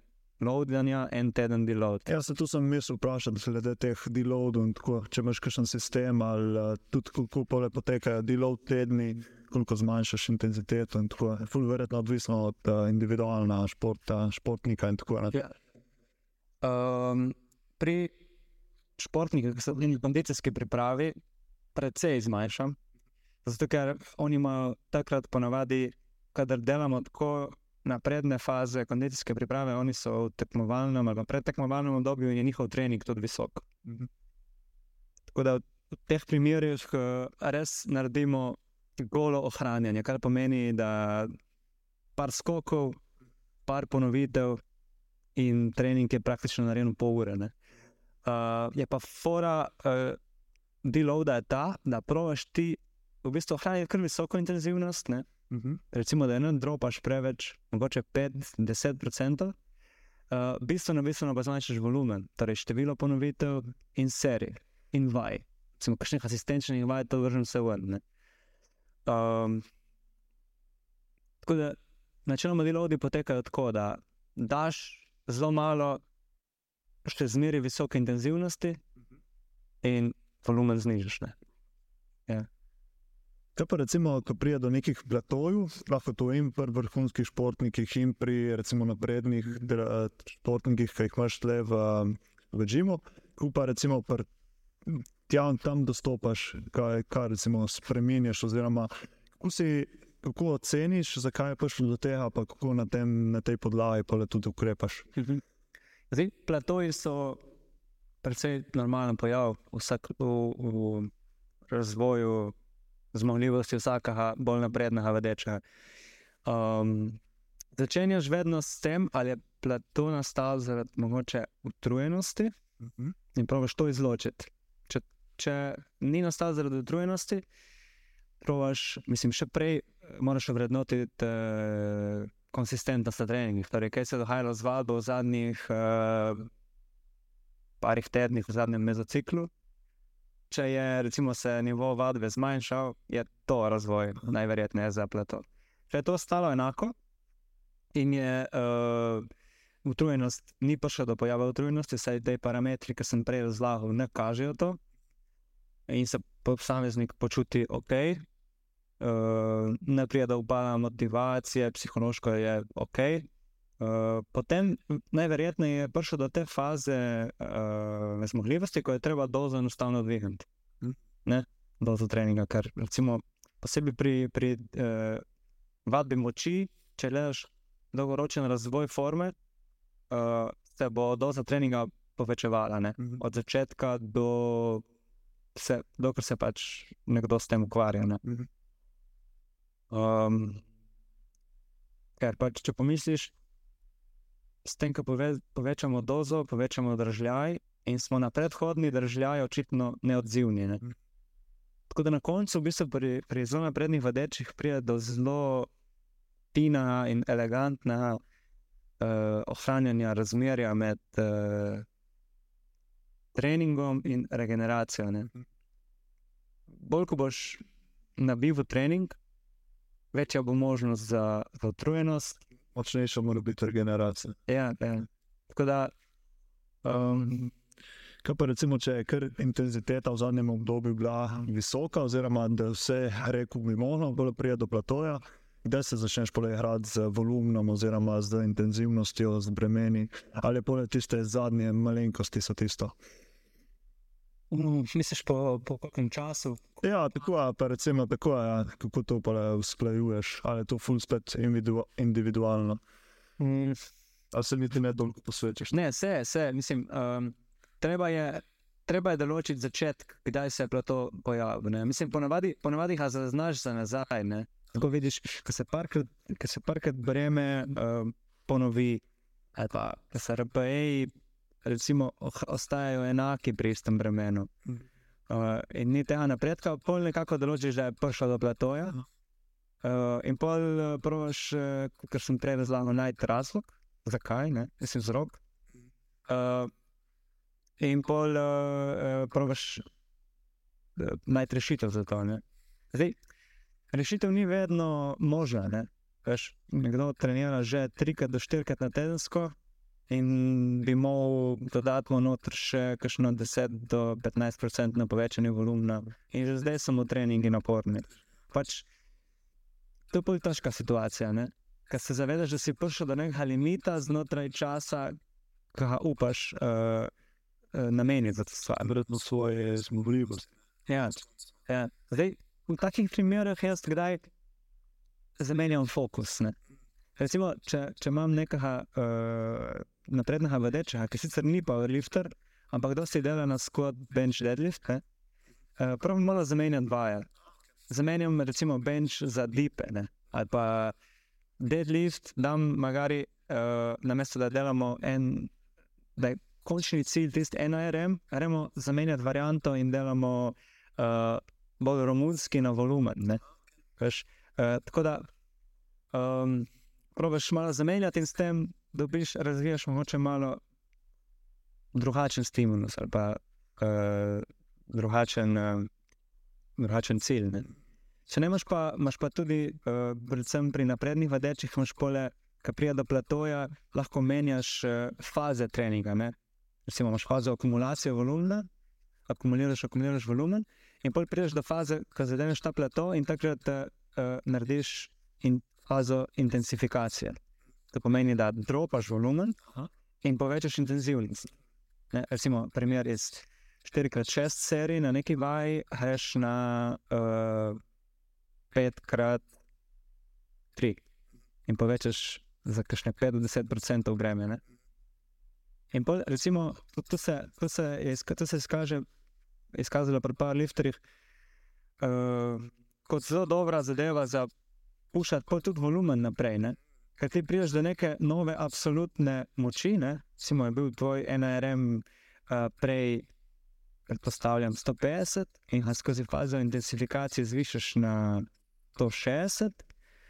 Polk, ko začneš spet delati volumen, imaš uh, uh, procentualno delaš na nižje obremenitve.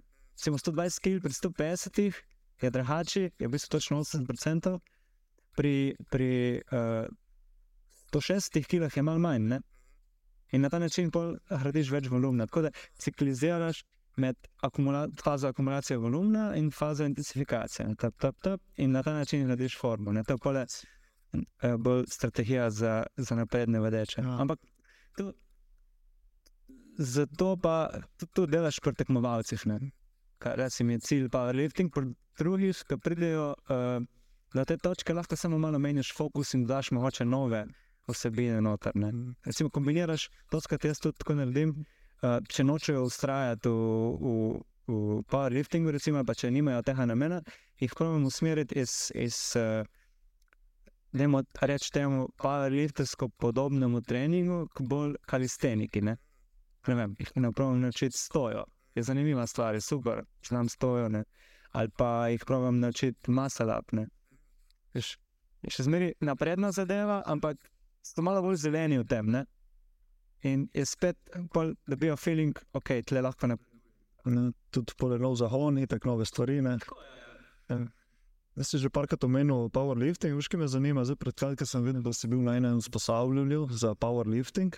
Mene tudi, kar zanimi, mislim, zanima me, tudi z menem je bilo z menem bolj všeč vadba za moč. Pa me zanima, zdaj, kakšni novi principi, ki si se naučil, ali pa recimo neke nove stvari, ki si jih spoznal tam na tem certifikatu. Ali je bilo mogoče tu, kar si zdaj razlagal, ali je bilo še kaj ta za? Ja, ah, okay. to je bil en, en predmet. Uh, sicer v osnovi to že poznaš iz uh, poznavanja periodizacije. Načeloma celotna športna periodizacija bažira na tem uh, konceptu, ampak uh, da smo šli bolj specifično v powerlifting. Ne? Kako to aplicirati, kako te metode aplicirati v, v powerliftingu. Zdaj, ja, to je kar obsežno v bistvu, usposabljanje. Ni še končano, imamo še, imamo še izpit za narediti. Um, v bistvu zavzema več kot 100 ur Ja, tako da je kar ležite zadeva. Mislim, da je ena ta boljših stvari, ki jih lahko narediš v Sloveniji, če hočeš uh, biti nek strokovnjak za. Ne samo za powerlifting, ampak tudi za uh, poznavanje uh, za širitev. krepilnih vaj. Ne?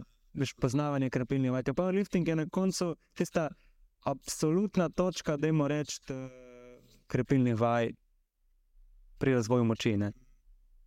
A pa imaš na drugi strani še weightlifting, ampak tam je malo bolj malo drugače. Bolj teh, tehnično, tehnično in bolj zahtevno. Ja. Tako da um, mene je powerlifting od zmeri zanimal, že pred časom, ko sem uh, delal magistrsko na to temo, me je zanimal powerlifting. Ukvarjal sem se tudi z njim, čeprav tekmoval bolj nisem, oziroma bil sem samo na eni tekmi. Me, je, me pa zanima biti uh, trener powerliftinga. Ampak ne zdaj, da šaltam totalno moj fokus iz tega, kar sem zdaj v powerlifting koča, ampak da nudim tudi to možnost tle. Tako da, imam, da, nek, da bi imel neko tekmovalno ekipo, par posameznikov, ki bi jih peljal na kako tekmo. To mi je zdaj cilj, uh, da se čete noter. Tako da um, to usposabljanje je bila pač super priložnost za to in zdaj, kaj sem se s tem naučil novega. Um, Pol mi je bilo dobro, ker so bili praktično največji po mojem mnenju, največji strokovnjaki na tem področju uh, v Sloveniji, ki so pač naredili ta, ta tečaj. Ne. Recimo je Urban Mur, ki je predsednik uh, Powerlifting Zveze Slovenije in je uh, tudi dober tekmovalec in je tudi dober trener, ima en kup uh, posameznikov tle.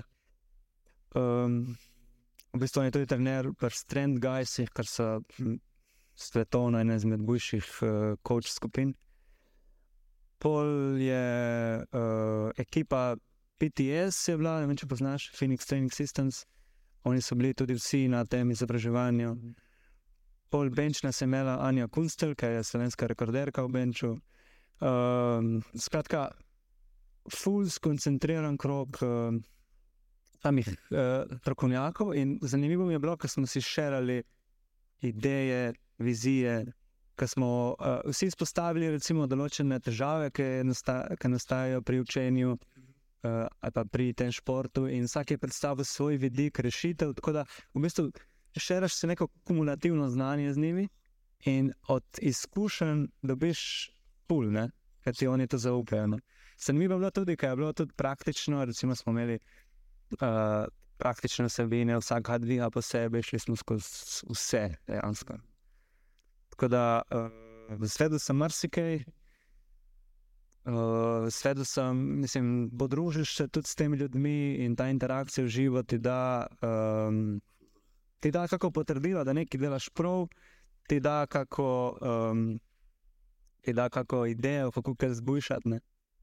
Tako da sem vesel, da sem se, odločil še za to, za to usposabljanje zraven. Da, ha, zanimivo. Se pravi, ja, ste si predstavljali, bolj, da je to bolj tudi navadni program, se pravi, ti se učiš tam, ne, ampak če ste imeli tako, da se je ful povezovalo med sabo, pa pa še ja, tako boš šlo. Veš kaj, je, uh, v bistvu je bila to prva edicija tega usposabljanja. Okay. In smo, vsi, tisti, vsi tisti, ki so, uh, ki nekako sodelujejo pri zvezi, morajo nadalje tudi narediti to, če hočejo pač kočeti. Uh, in če hočejo tudi sodelovati pri naslednjih edicijah tega usposabljanja. Tako da, uh, v začetku so bili vsi tisti, ki že nekaj delajo, ki že imajo ekipe, ki že vodijo ljudi na tekmah, ki se tudi s tem sami ukvarjajo. Tako da so bili res tisti, uh, ki nekaj nadpovprečno o tem vejo. Ne? Zato smo, smo prišli lahko do malo bolj naprednih debat, do širjenja teh idej in tako naprej. Um, Ja, to je zmerno dobro, da se poveže s takimi posamezniki, ki imajo iste interese, ki imajo podobne miselnosti, in polarata ta vibe, community, tako da je full dobro. Um, tako če da vidim, če je še kitaza, ki smo til, um, fleksibilnost, mobilnost. In se mislim, da je to to. Še me pa zanima, zdaj recimo, smo dobili tudi eno vprašanje na sledilca, ki tudi te pri tebi trenira. Kakšni so kaj tvoji cilji zdaj recimo? In tako na fitness področju, v življenju, biznis, Ok, uh, fitness področje. Zdaj, specifično sem se lotil z enim programom za powerlifting, mislim, powerlifting, powerlifting programom, ki je uh, vezan na minimum effective dose. In so v bistvu preverjali, koliko res nek minimalni trening uh, vpliva na razvoj forme, koliko rabiš minimalno trenirati. In v bistvu trening je sestavljen iz uh, trikrat na teden. Prvi dan delaš počep bench, drugi dan delaš deadlift bench, in tretji dan spet počep bench. In uh, prvo narediš enko, pravi single na RPE 9,9,5 in pa narediš dve back-off seriji na uh, dve back-off seriji treh ponovitev na 80% od tenka. In to je vse, kar narediš. Se pravi, imaš sedem dvigov na trening. In je to trening powerliftinga. Dora, jaz sem to še malo modificiral, sem dal zraven še asistenco, uh, ki je bolj vezana na hipertrofijo, tako da um, hkrati dodajam tudi ta stimulus.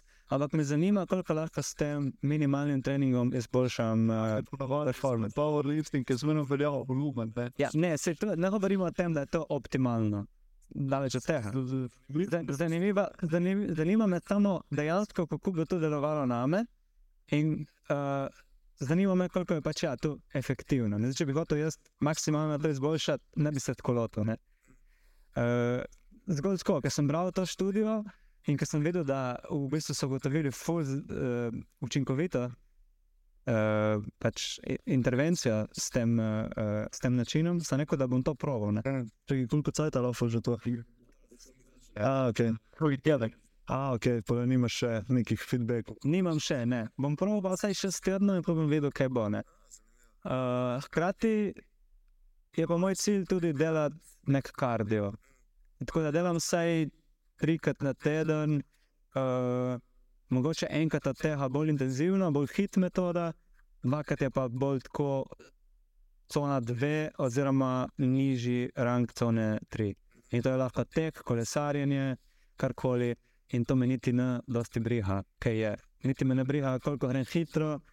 Važno je, da dobim te volumen noter, da pač se dobro počutim, ko to delam in ko to naredim. In hkrati, da uspešno menedžiram svojo telesno maso. Zdaj mi je cilj, da zgubim kak kilo. Um, tako, včasih rabim obdobje, ko moram zmanjšati kak kilo, ker mislim, sem človek z velikim apetitom. In uh, vsako toliko moram to malo nadzorovati, da ne akumuliram preveč kil. Tako da uh, nekako moji vadbeni cilji so vezani zdaj na to dvoje. Ja, hkrati še za hobi sem začel s tenisom, tako to mi je zanimivo, ker je nek nov šport, ki je igra. Že dosti časa nisem ničesar igral in je super. Um, tako da to je vezano na, moje, uh, na moj šport. Ostali cilji, recimo vezani na telovadnico, je, da izboljšujem ta sistem, ki ga imam, da prepoznam zadeve, ki bi lahko bile boljše. Um, pol cilj mi je pač itak se širiti, povečati, vedno pač povečati to dejavnost, da bi še zmeraj vse lepo teklo. Uh, cilj mi je razviti tudi online coaching, lahko za ne par strank. Uh, ne vem, kaj bi radi sodelovali z mano, ampak ni imel možnosti hoditi sem. Uh, in cilj mi je Pač, recimo, tudi cilj mi je dejansko, da dam Tini več dela. To mi je bi mi bilo super, da smo tle v dveh. Te malo razbremeni. Ja, ma, ma ne, tudi, ne samo da me razbremeni, ker pra, praktično meni je delo večinoma me ne tako obremenjuje, bolj me obremenjuje, če imam malo, dejansko. Uh, Ko pač, da, da ratamo bolj nek tim, da uh, nisem samo jaz z vsem tem, in da uh, je, da recimo, je tle tudi neka ženska energija coachinga, ki se mi zdi fully pomembna. Uh, za, oziroma, ona je v nekih segmentih malo drugačna, recimo, fully dobro handla te. Uh, uh, Večno mlade, ne, da se kdo rahendla, sto krat boljši kot jaz. Tako da, uh, uh, nekaj vsebine bi torej bolj dajal njej, ker vidim, da je talentirana za njih, nekaj vsebine bi bolj imel jaz. Um, tako da se pravi, v, v smerjah, v, s- da, da širim tle noter, mi je cilj tudi, da dobim še nekoga zraven, ki bi lahko mi malo bolj uh, redno pomagal. ne.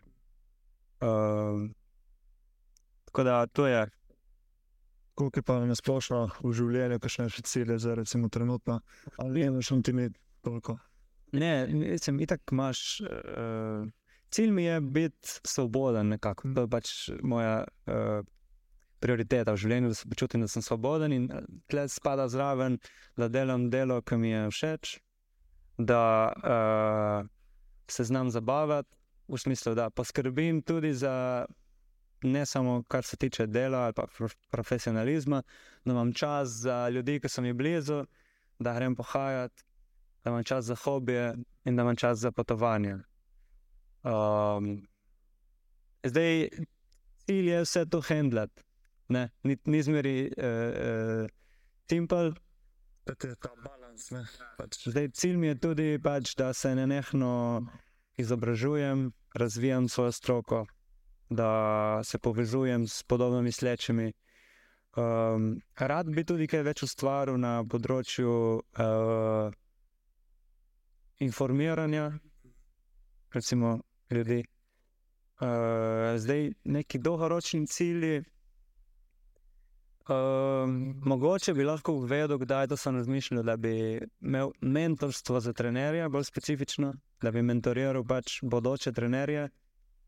Pač kako sem jaz, recimo, s svojo prakso prišel do nekih uh, zaključkov, kaj je smiselno, kaj ne. Recimo, da bi lahko tudi tle se preizkusili v tem.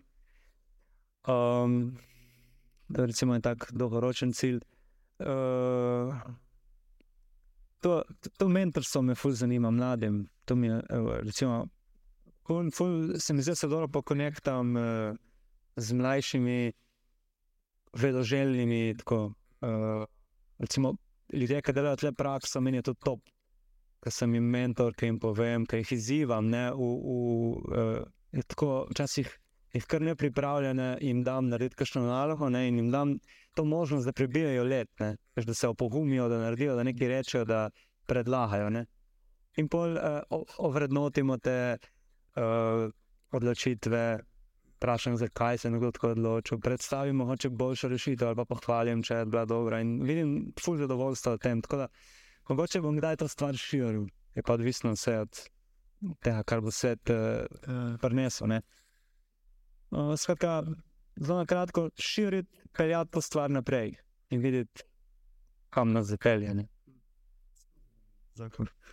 Zanimivo. Ja, upam, verjamem tudi, da ti bo uspelo, kaj te že zdaj uspeva. Ne, tako da je pa je res tako, da včasih moraš tudi malo počakati na signale, ne, da se stvari poklopijo, po domače povedano. Ne. Se včasih se pač stvari prav morajo poklopiti, ne, neke stvari. Ne. In, uh, ja. Ne, še eno vprašanje je bilo prav, še eno tako malo bolj osebno. Če si že kdaj v življenju sproval oziroma poskusil steroide oziroma te substance, to je zdaj ful, taka tematika, dan danes. ne. In, Bom vzel to vprašanje kot kompliment. Oziroma je bilo prvi del vprašanja, bil, če si nati ali ne. ja, sem, sem, znati. Mislim, uh, vse, če greš gledati moje, moj performance, kar sem mogel, ali pa kar moram zdaj, ni to nek big deal. Pač, recimo, da spada med napredne vedeče, ampak če bi šel na, na tekmovalni ravni, ne bi dosti dosegel. Isto, recimo, moja telesna sestava ni neka, niti približno taka, ki bi lahko nakazovala na neko superiornost. Pač. Jaz mislim, da sem dober predstavnik tega, kaj se da narediti, če pač redno in dolgo časa treniraš. Sem jih imam že 32 let in treniram že od svojih 15-16. Sicer na začetku je bil pač trening tako, kot je bil, nismo imeli pojma, kaj delamo. Tako da usmerjanje bolj zadnje 8 let, da jim rečem. Um, tako da, ne, mislim, ja, sem dan tega. A ti nisi kul. Uh, ne, vse drugače je pa zanimivo. Ne vem, če kdo pozna FFMI uh, indeks, se pravi Fat Free Mass Index. In v bistvu, kdo uh, v populaciji, v džim populaciji, da se ga zračunati, ne vem točno formule, ampak dobiš na internetu, če praviš računati. Um, kar, je nad, kar je blizu 25 in kar je nad 25, je morda sumljivo na uporabo steroidov. Zdaj, ni to zdaj sodba, ampak recimo, ko so preverjali, vem, da je imel Lyle McDonald ten članek o tem. In ko je preveril uh, podatke iz uh, bodybuilding tekmovanj, pred dobo uporabe steroidov, spravi, ko te še niso bile v uporabi, je redko kdo dosegel vrednost 25. Mislim, da ja. Imate takrat, da je še prej, verjetno. Arnold je bil 70, ne? so ta Zdaj, recimo, ste gledali, ste gledali daljno, da gremo te. Pač, ste videli, kakšen je bil on pri 16? Ja, pač nič ga ni bilo.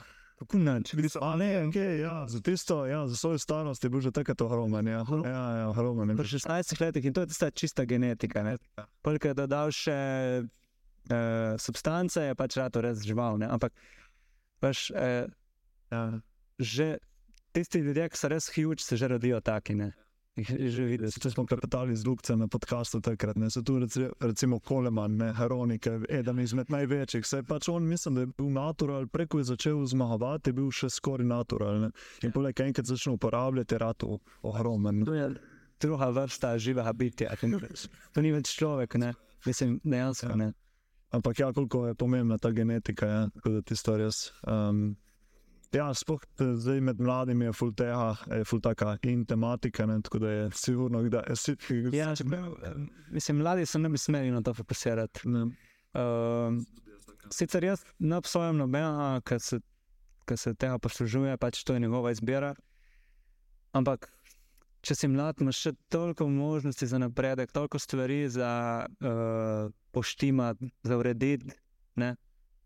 Um, tako da, ja. mislim, posebej jaz razmišljam, da to so res neki mladi, 20 let, mogoče tam okoli, ki razmišljajo o tem, pač ne. Ja, ko pa tudi življenje si malo, mislim, ne da si ga uničiš, ampak je toliko stvari pa vzame s sabo. Ne.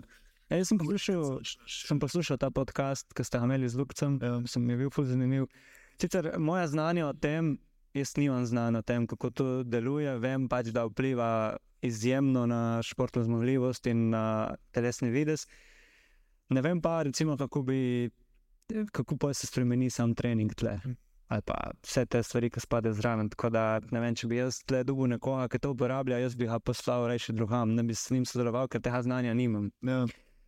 Istočasno to ni lih najbolj po mojih moralnih vrednotah, in istočasno to ni nekaj, kar jaz bi, uh, bi se, kar bi se skladalo z mojim širjenjem informacij, z moje, uh, z mojo identiteto. Ne? Tako da nimam nobenega razloga, da bi o tem sploh razmišljal. Ja, tudi je poleg, ki uporabljaš, pa zakaj uporabljaš, ali je to čisti performance, ali je to zaradi športa, ga moraš pač uporabljati. Ne, se dosti bodybuilderjev pač ne da hoče to uporabljati.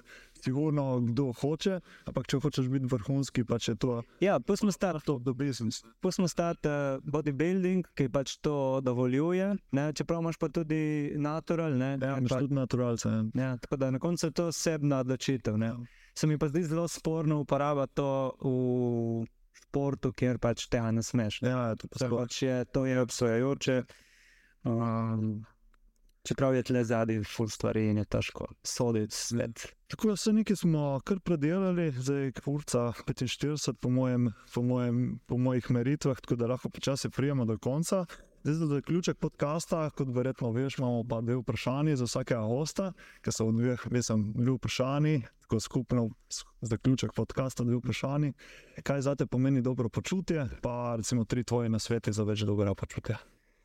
Um, mislim, dobro počutje je takrat, ko uh, občutiš pač ta feeling dobrega počutja. Uh, to se zgodi, kadar so določene zadeve poštimane, in hkrati se mi zdi, da je to precej kontekstualno. ne. Uh, kdaj dosežeš tak da dosežeš ta občutek. Ena stvar pri meni je, uh, že kar smo dosta o tem govorili, je pač ta biznis strokovna. Se pravi, ko mi uspeva uh, doseči nek napredek, ko vidim, da uh, ljudem pomagam, ko so ljudje zadovoljni, ko vidim dober vibe v džimu, to je za me top počutje. ne. Uh, če grem bolj na osebno raven, uh, kadar imam dobre odnose z mojimi bližnjimi, uh, kadar uh, se družim s, prijatelji, tudi kaj jim namenim, mislim, si rad vzamem čas za njih, gremo kam pohajati, uh, si kaj povemo, uh, malo bolj, uh, recimo, kompleksne stvari, se pravi, dobre debate, kakšni flaški dobrega vina, to je super. Um, se pravi, ta socialna, socialna plat vsega tega. Uh, in pole neke, neki uh, osebnostni cilji, recimo, ne cilji, uh, osebnostna plat, da si sposoben prepoznati, uh, določiti svoje vrednote, identiteto in delati v skladu z njimi. Se pravi, nekako, uh, da počutim se dobro takrat, kadar. Um, de, delam nekako sebi, svoji identiteti v prid, ne? kadar moja dejanja dejansko so v skladu uh, z mojo identiteto, ne? takrat je, se dobro počutim. Um, hkrati so tle še recimo neka, uh, neka zabava, potovanja, recimo potovanja me ful dobro. Uh, Resetirajo, ker včasih se vse malo nabere, Uh, in uh, so izjemno zanimiva prilika za spoznavati, uh, za doživljati neke nove stvari, ki jih še nisi, za spoznavati določene nove kulture ali pa kraje. Ali pa Tako da, uh, načeloma, če povem na kratko, dobro počutje je takrat, kadar so moji hormoni uravnovešeni. Ampak zdaj, kaj to povzroči, je odvisno od konteksta in odvisno od, uh, ja, od vseh teh zadev. Ne? Ja, zdaj, na svetu je za dobro počutje, um, delaj na svojem telesu, pač telo je temelj. Pravi, če, če bomo mi poskrbeli za uh, ustrezno vadbo, za prehrano in za regeneracijo, bomo se po defaultu, bomo po defaultu v takem stanju za dobro počutje. Drugo je, da um, smo, ti najdemo socialno podporno okolje da je super, je, če je to družina, drugače uh, super je, da so to prijatelji, ki te razumejo. In uh, tretja stvar bi bila, da se ne bojiš spoznati na sebe in tle noter, provod zavrteti kar fajn globoko, da vidiš, kakšni, kje so tvoji temelji, uh, da znaš opredeliti svoje vrednote. Uh, in da pol razvijaš strategije, da deluješ skladno z njimi, da se tle praviš izpopolnjevati. Um, in to, po mojem, specifično od posameznika do posameznika, temu tle pašane. Ni zdaj, ne, ni sodi zraven tega vprašanja, ampak me zanima, recimo ta tretji del, recimo, kaj ti delaš, kaj recimo tebi pomaga za ta tretji del, se pravi osebnostno delo. Uh, kaj ti recimo, kaj vidiš pri tebi, recimo, da ti nekaj pomaga. Jaz tudi recimo, zdaj ful delam na sebi, jaz sem videl neki vzorci in tako se spremenjanja. Tako pa me zanima, tako malo um, bolj mene osebnost. Mislim, uh, neko študiranje bom rekel teh uh, sebin. Recimo, mogoče študirati sposobnost kritičnega razmišljanja za samega sebe, si postavljati prava vprašanja eh, praviti na njih odgovoriti in eh, biti pozoren na občutke, ki se pojavljajo pri, pri določenih zadevah, pri določenih vedenjih ali pa situacijah. Ker pač občutki in čustva nekaj sporočajo, in ti smo treba prisluhniti. Ne, ne je nujno reagirati, ne je nujno reagirati na njih, ker um, pač. Uh, treba se odzvati nekako še smeri racionalno in trezno, tle mogoče sem malo stoičen jaz, ampak ne smemo pa pustiti, uh, ne smemo pa čustev ignorirati, ker nekaj nam sporočajo. Ne? Ponavadi nam sporočajo, da nekaj je ali pa ni za nas. In temu slediti. Ne? Tako da uh, ne, ne se ujeti v neke vzorce bežanja. Ne? Ampak provat tam, kjer vidimo neko uh, mogoče frustracijo, kako se začne, provat malo uh, probati razumeti, zakaj se je pojavilo. Ja, malo povrtati. Ja. In biti, predvsem biti, uh, uh, ne biti strah do samega sebe, nekako ne biti tuno. Uh, pač, Pravi biti na tem področju vedoželjen in ne uno, veš, uh, ne tuno. Uh, odnosa do samega sebe, do samega sebe, da bi te spravljal v frustracije. Ne. Pač raz- razumeš to kot neki izziv, kot nek, um, priložnost za, za, za osebni napredek. No. Ja, ja.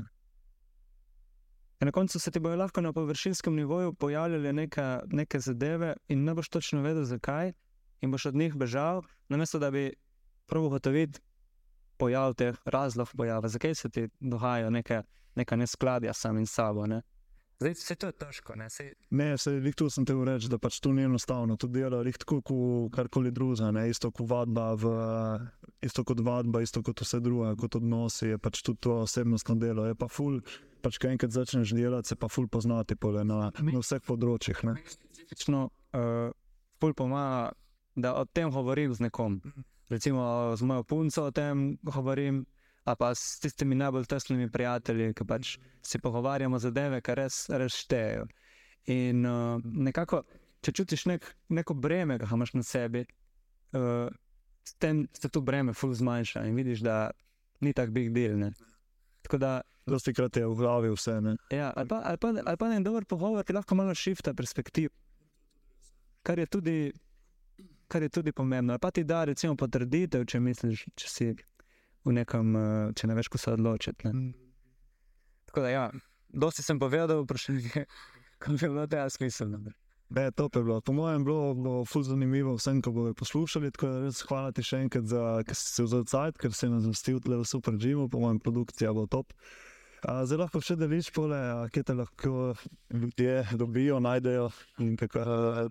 Ja, če nekdo, nekoga zanima trenerstvo, lahko prija k nam trenirati, to je najboljši. E, drugače pa sem prisoten najbolj na Instagramu, po moje, na Equilibrium Gym page, imam bolj strokovne vsebine. In če ne imam osebni profil, ki sicer ni ne vem koliko aktiven, objavljam bolj slike iz potovanj ali pa iz izletov, bolj pa kaj drugega. Matija reja, tako da to je to. Jaz bom dal povezave v opis in če ne, tle je naslov Kozana, koliko je 5A.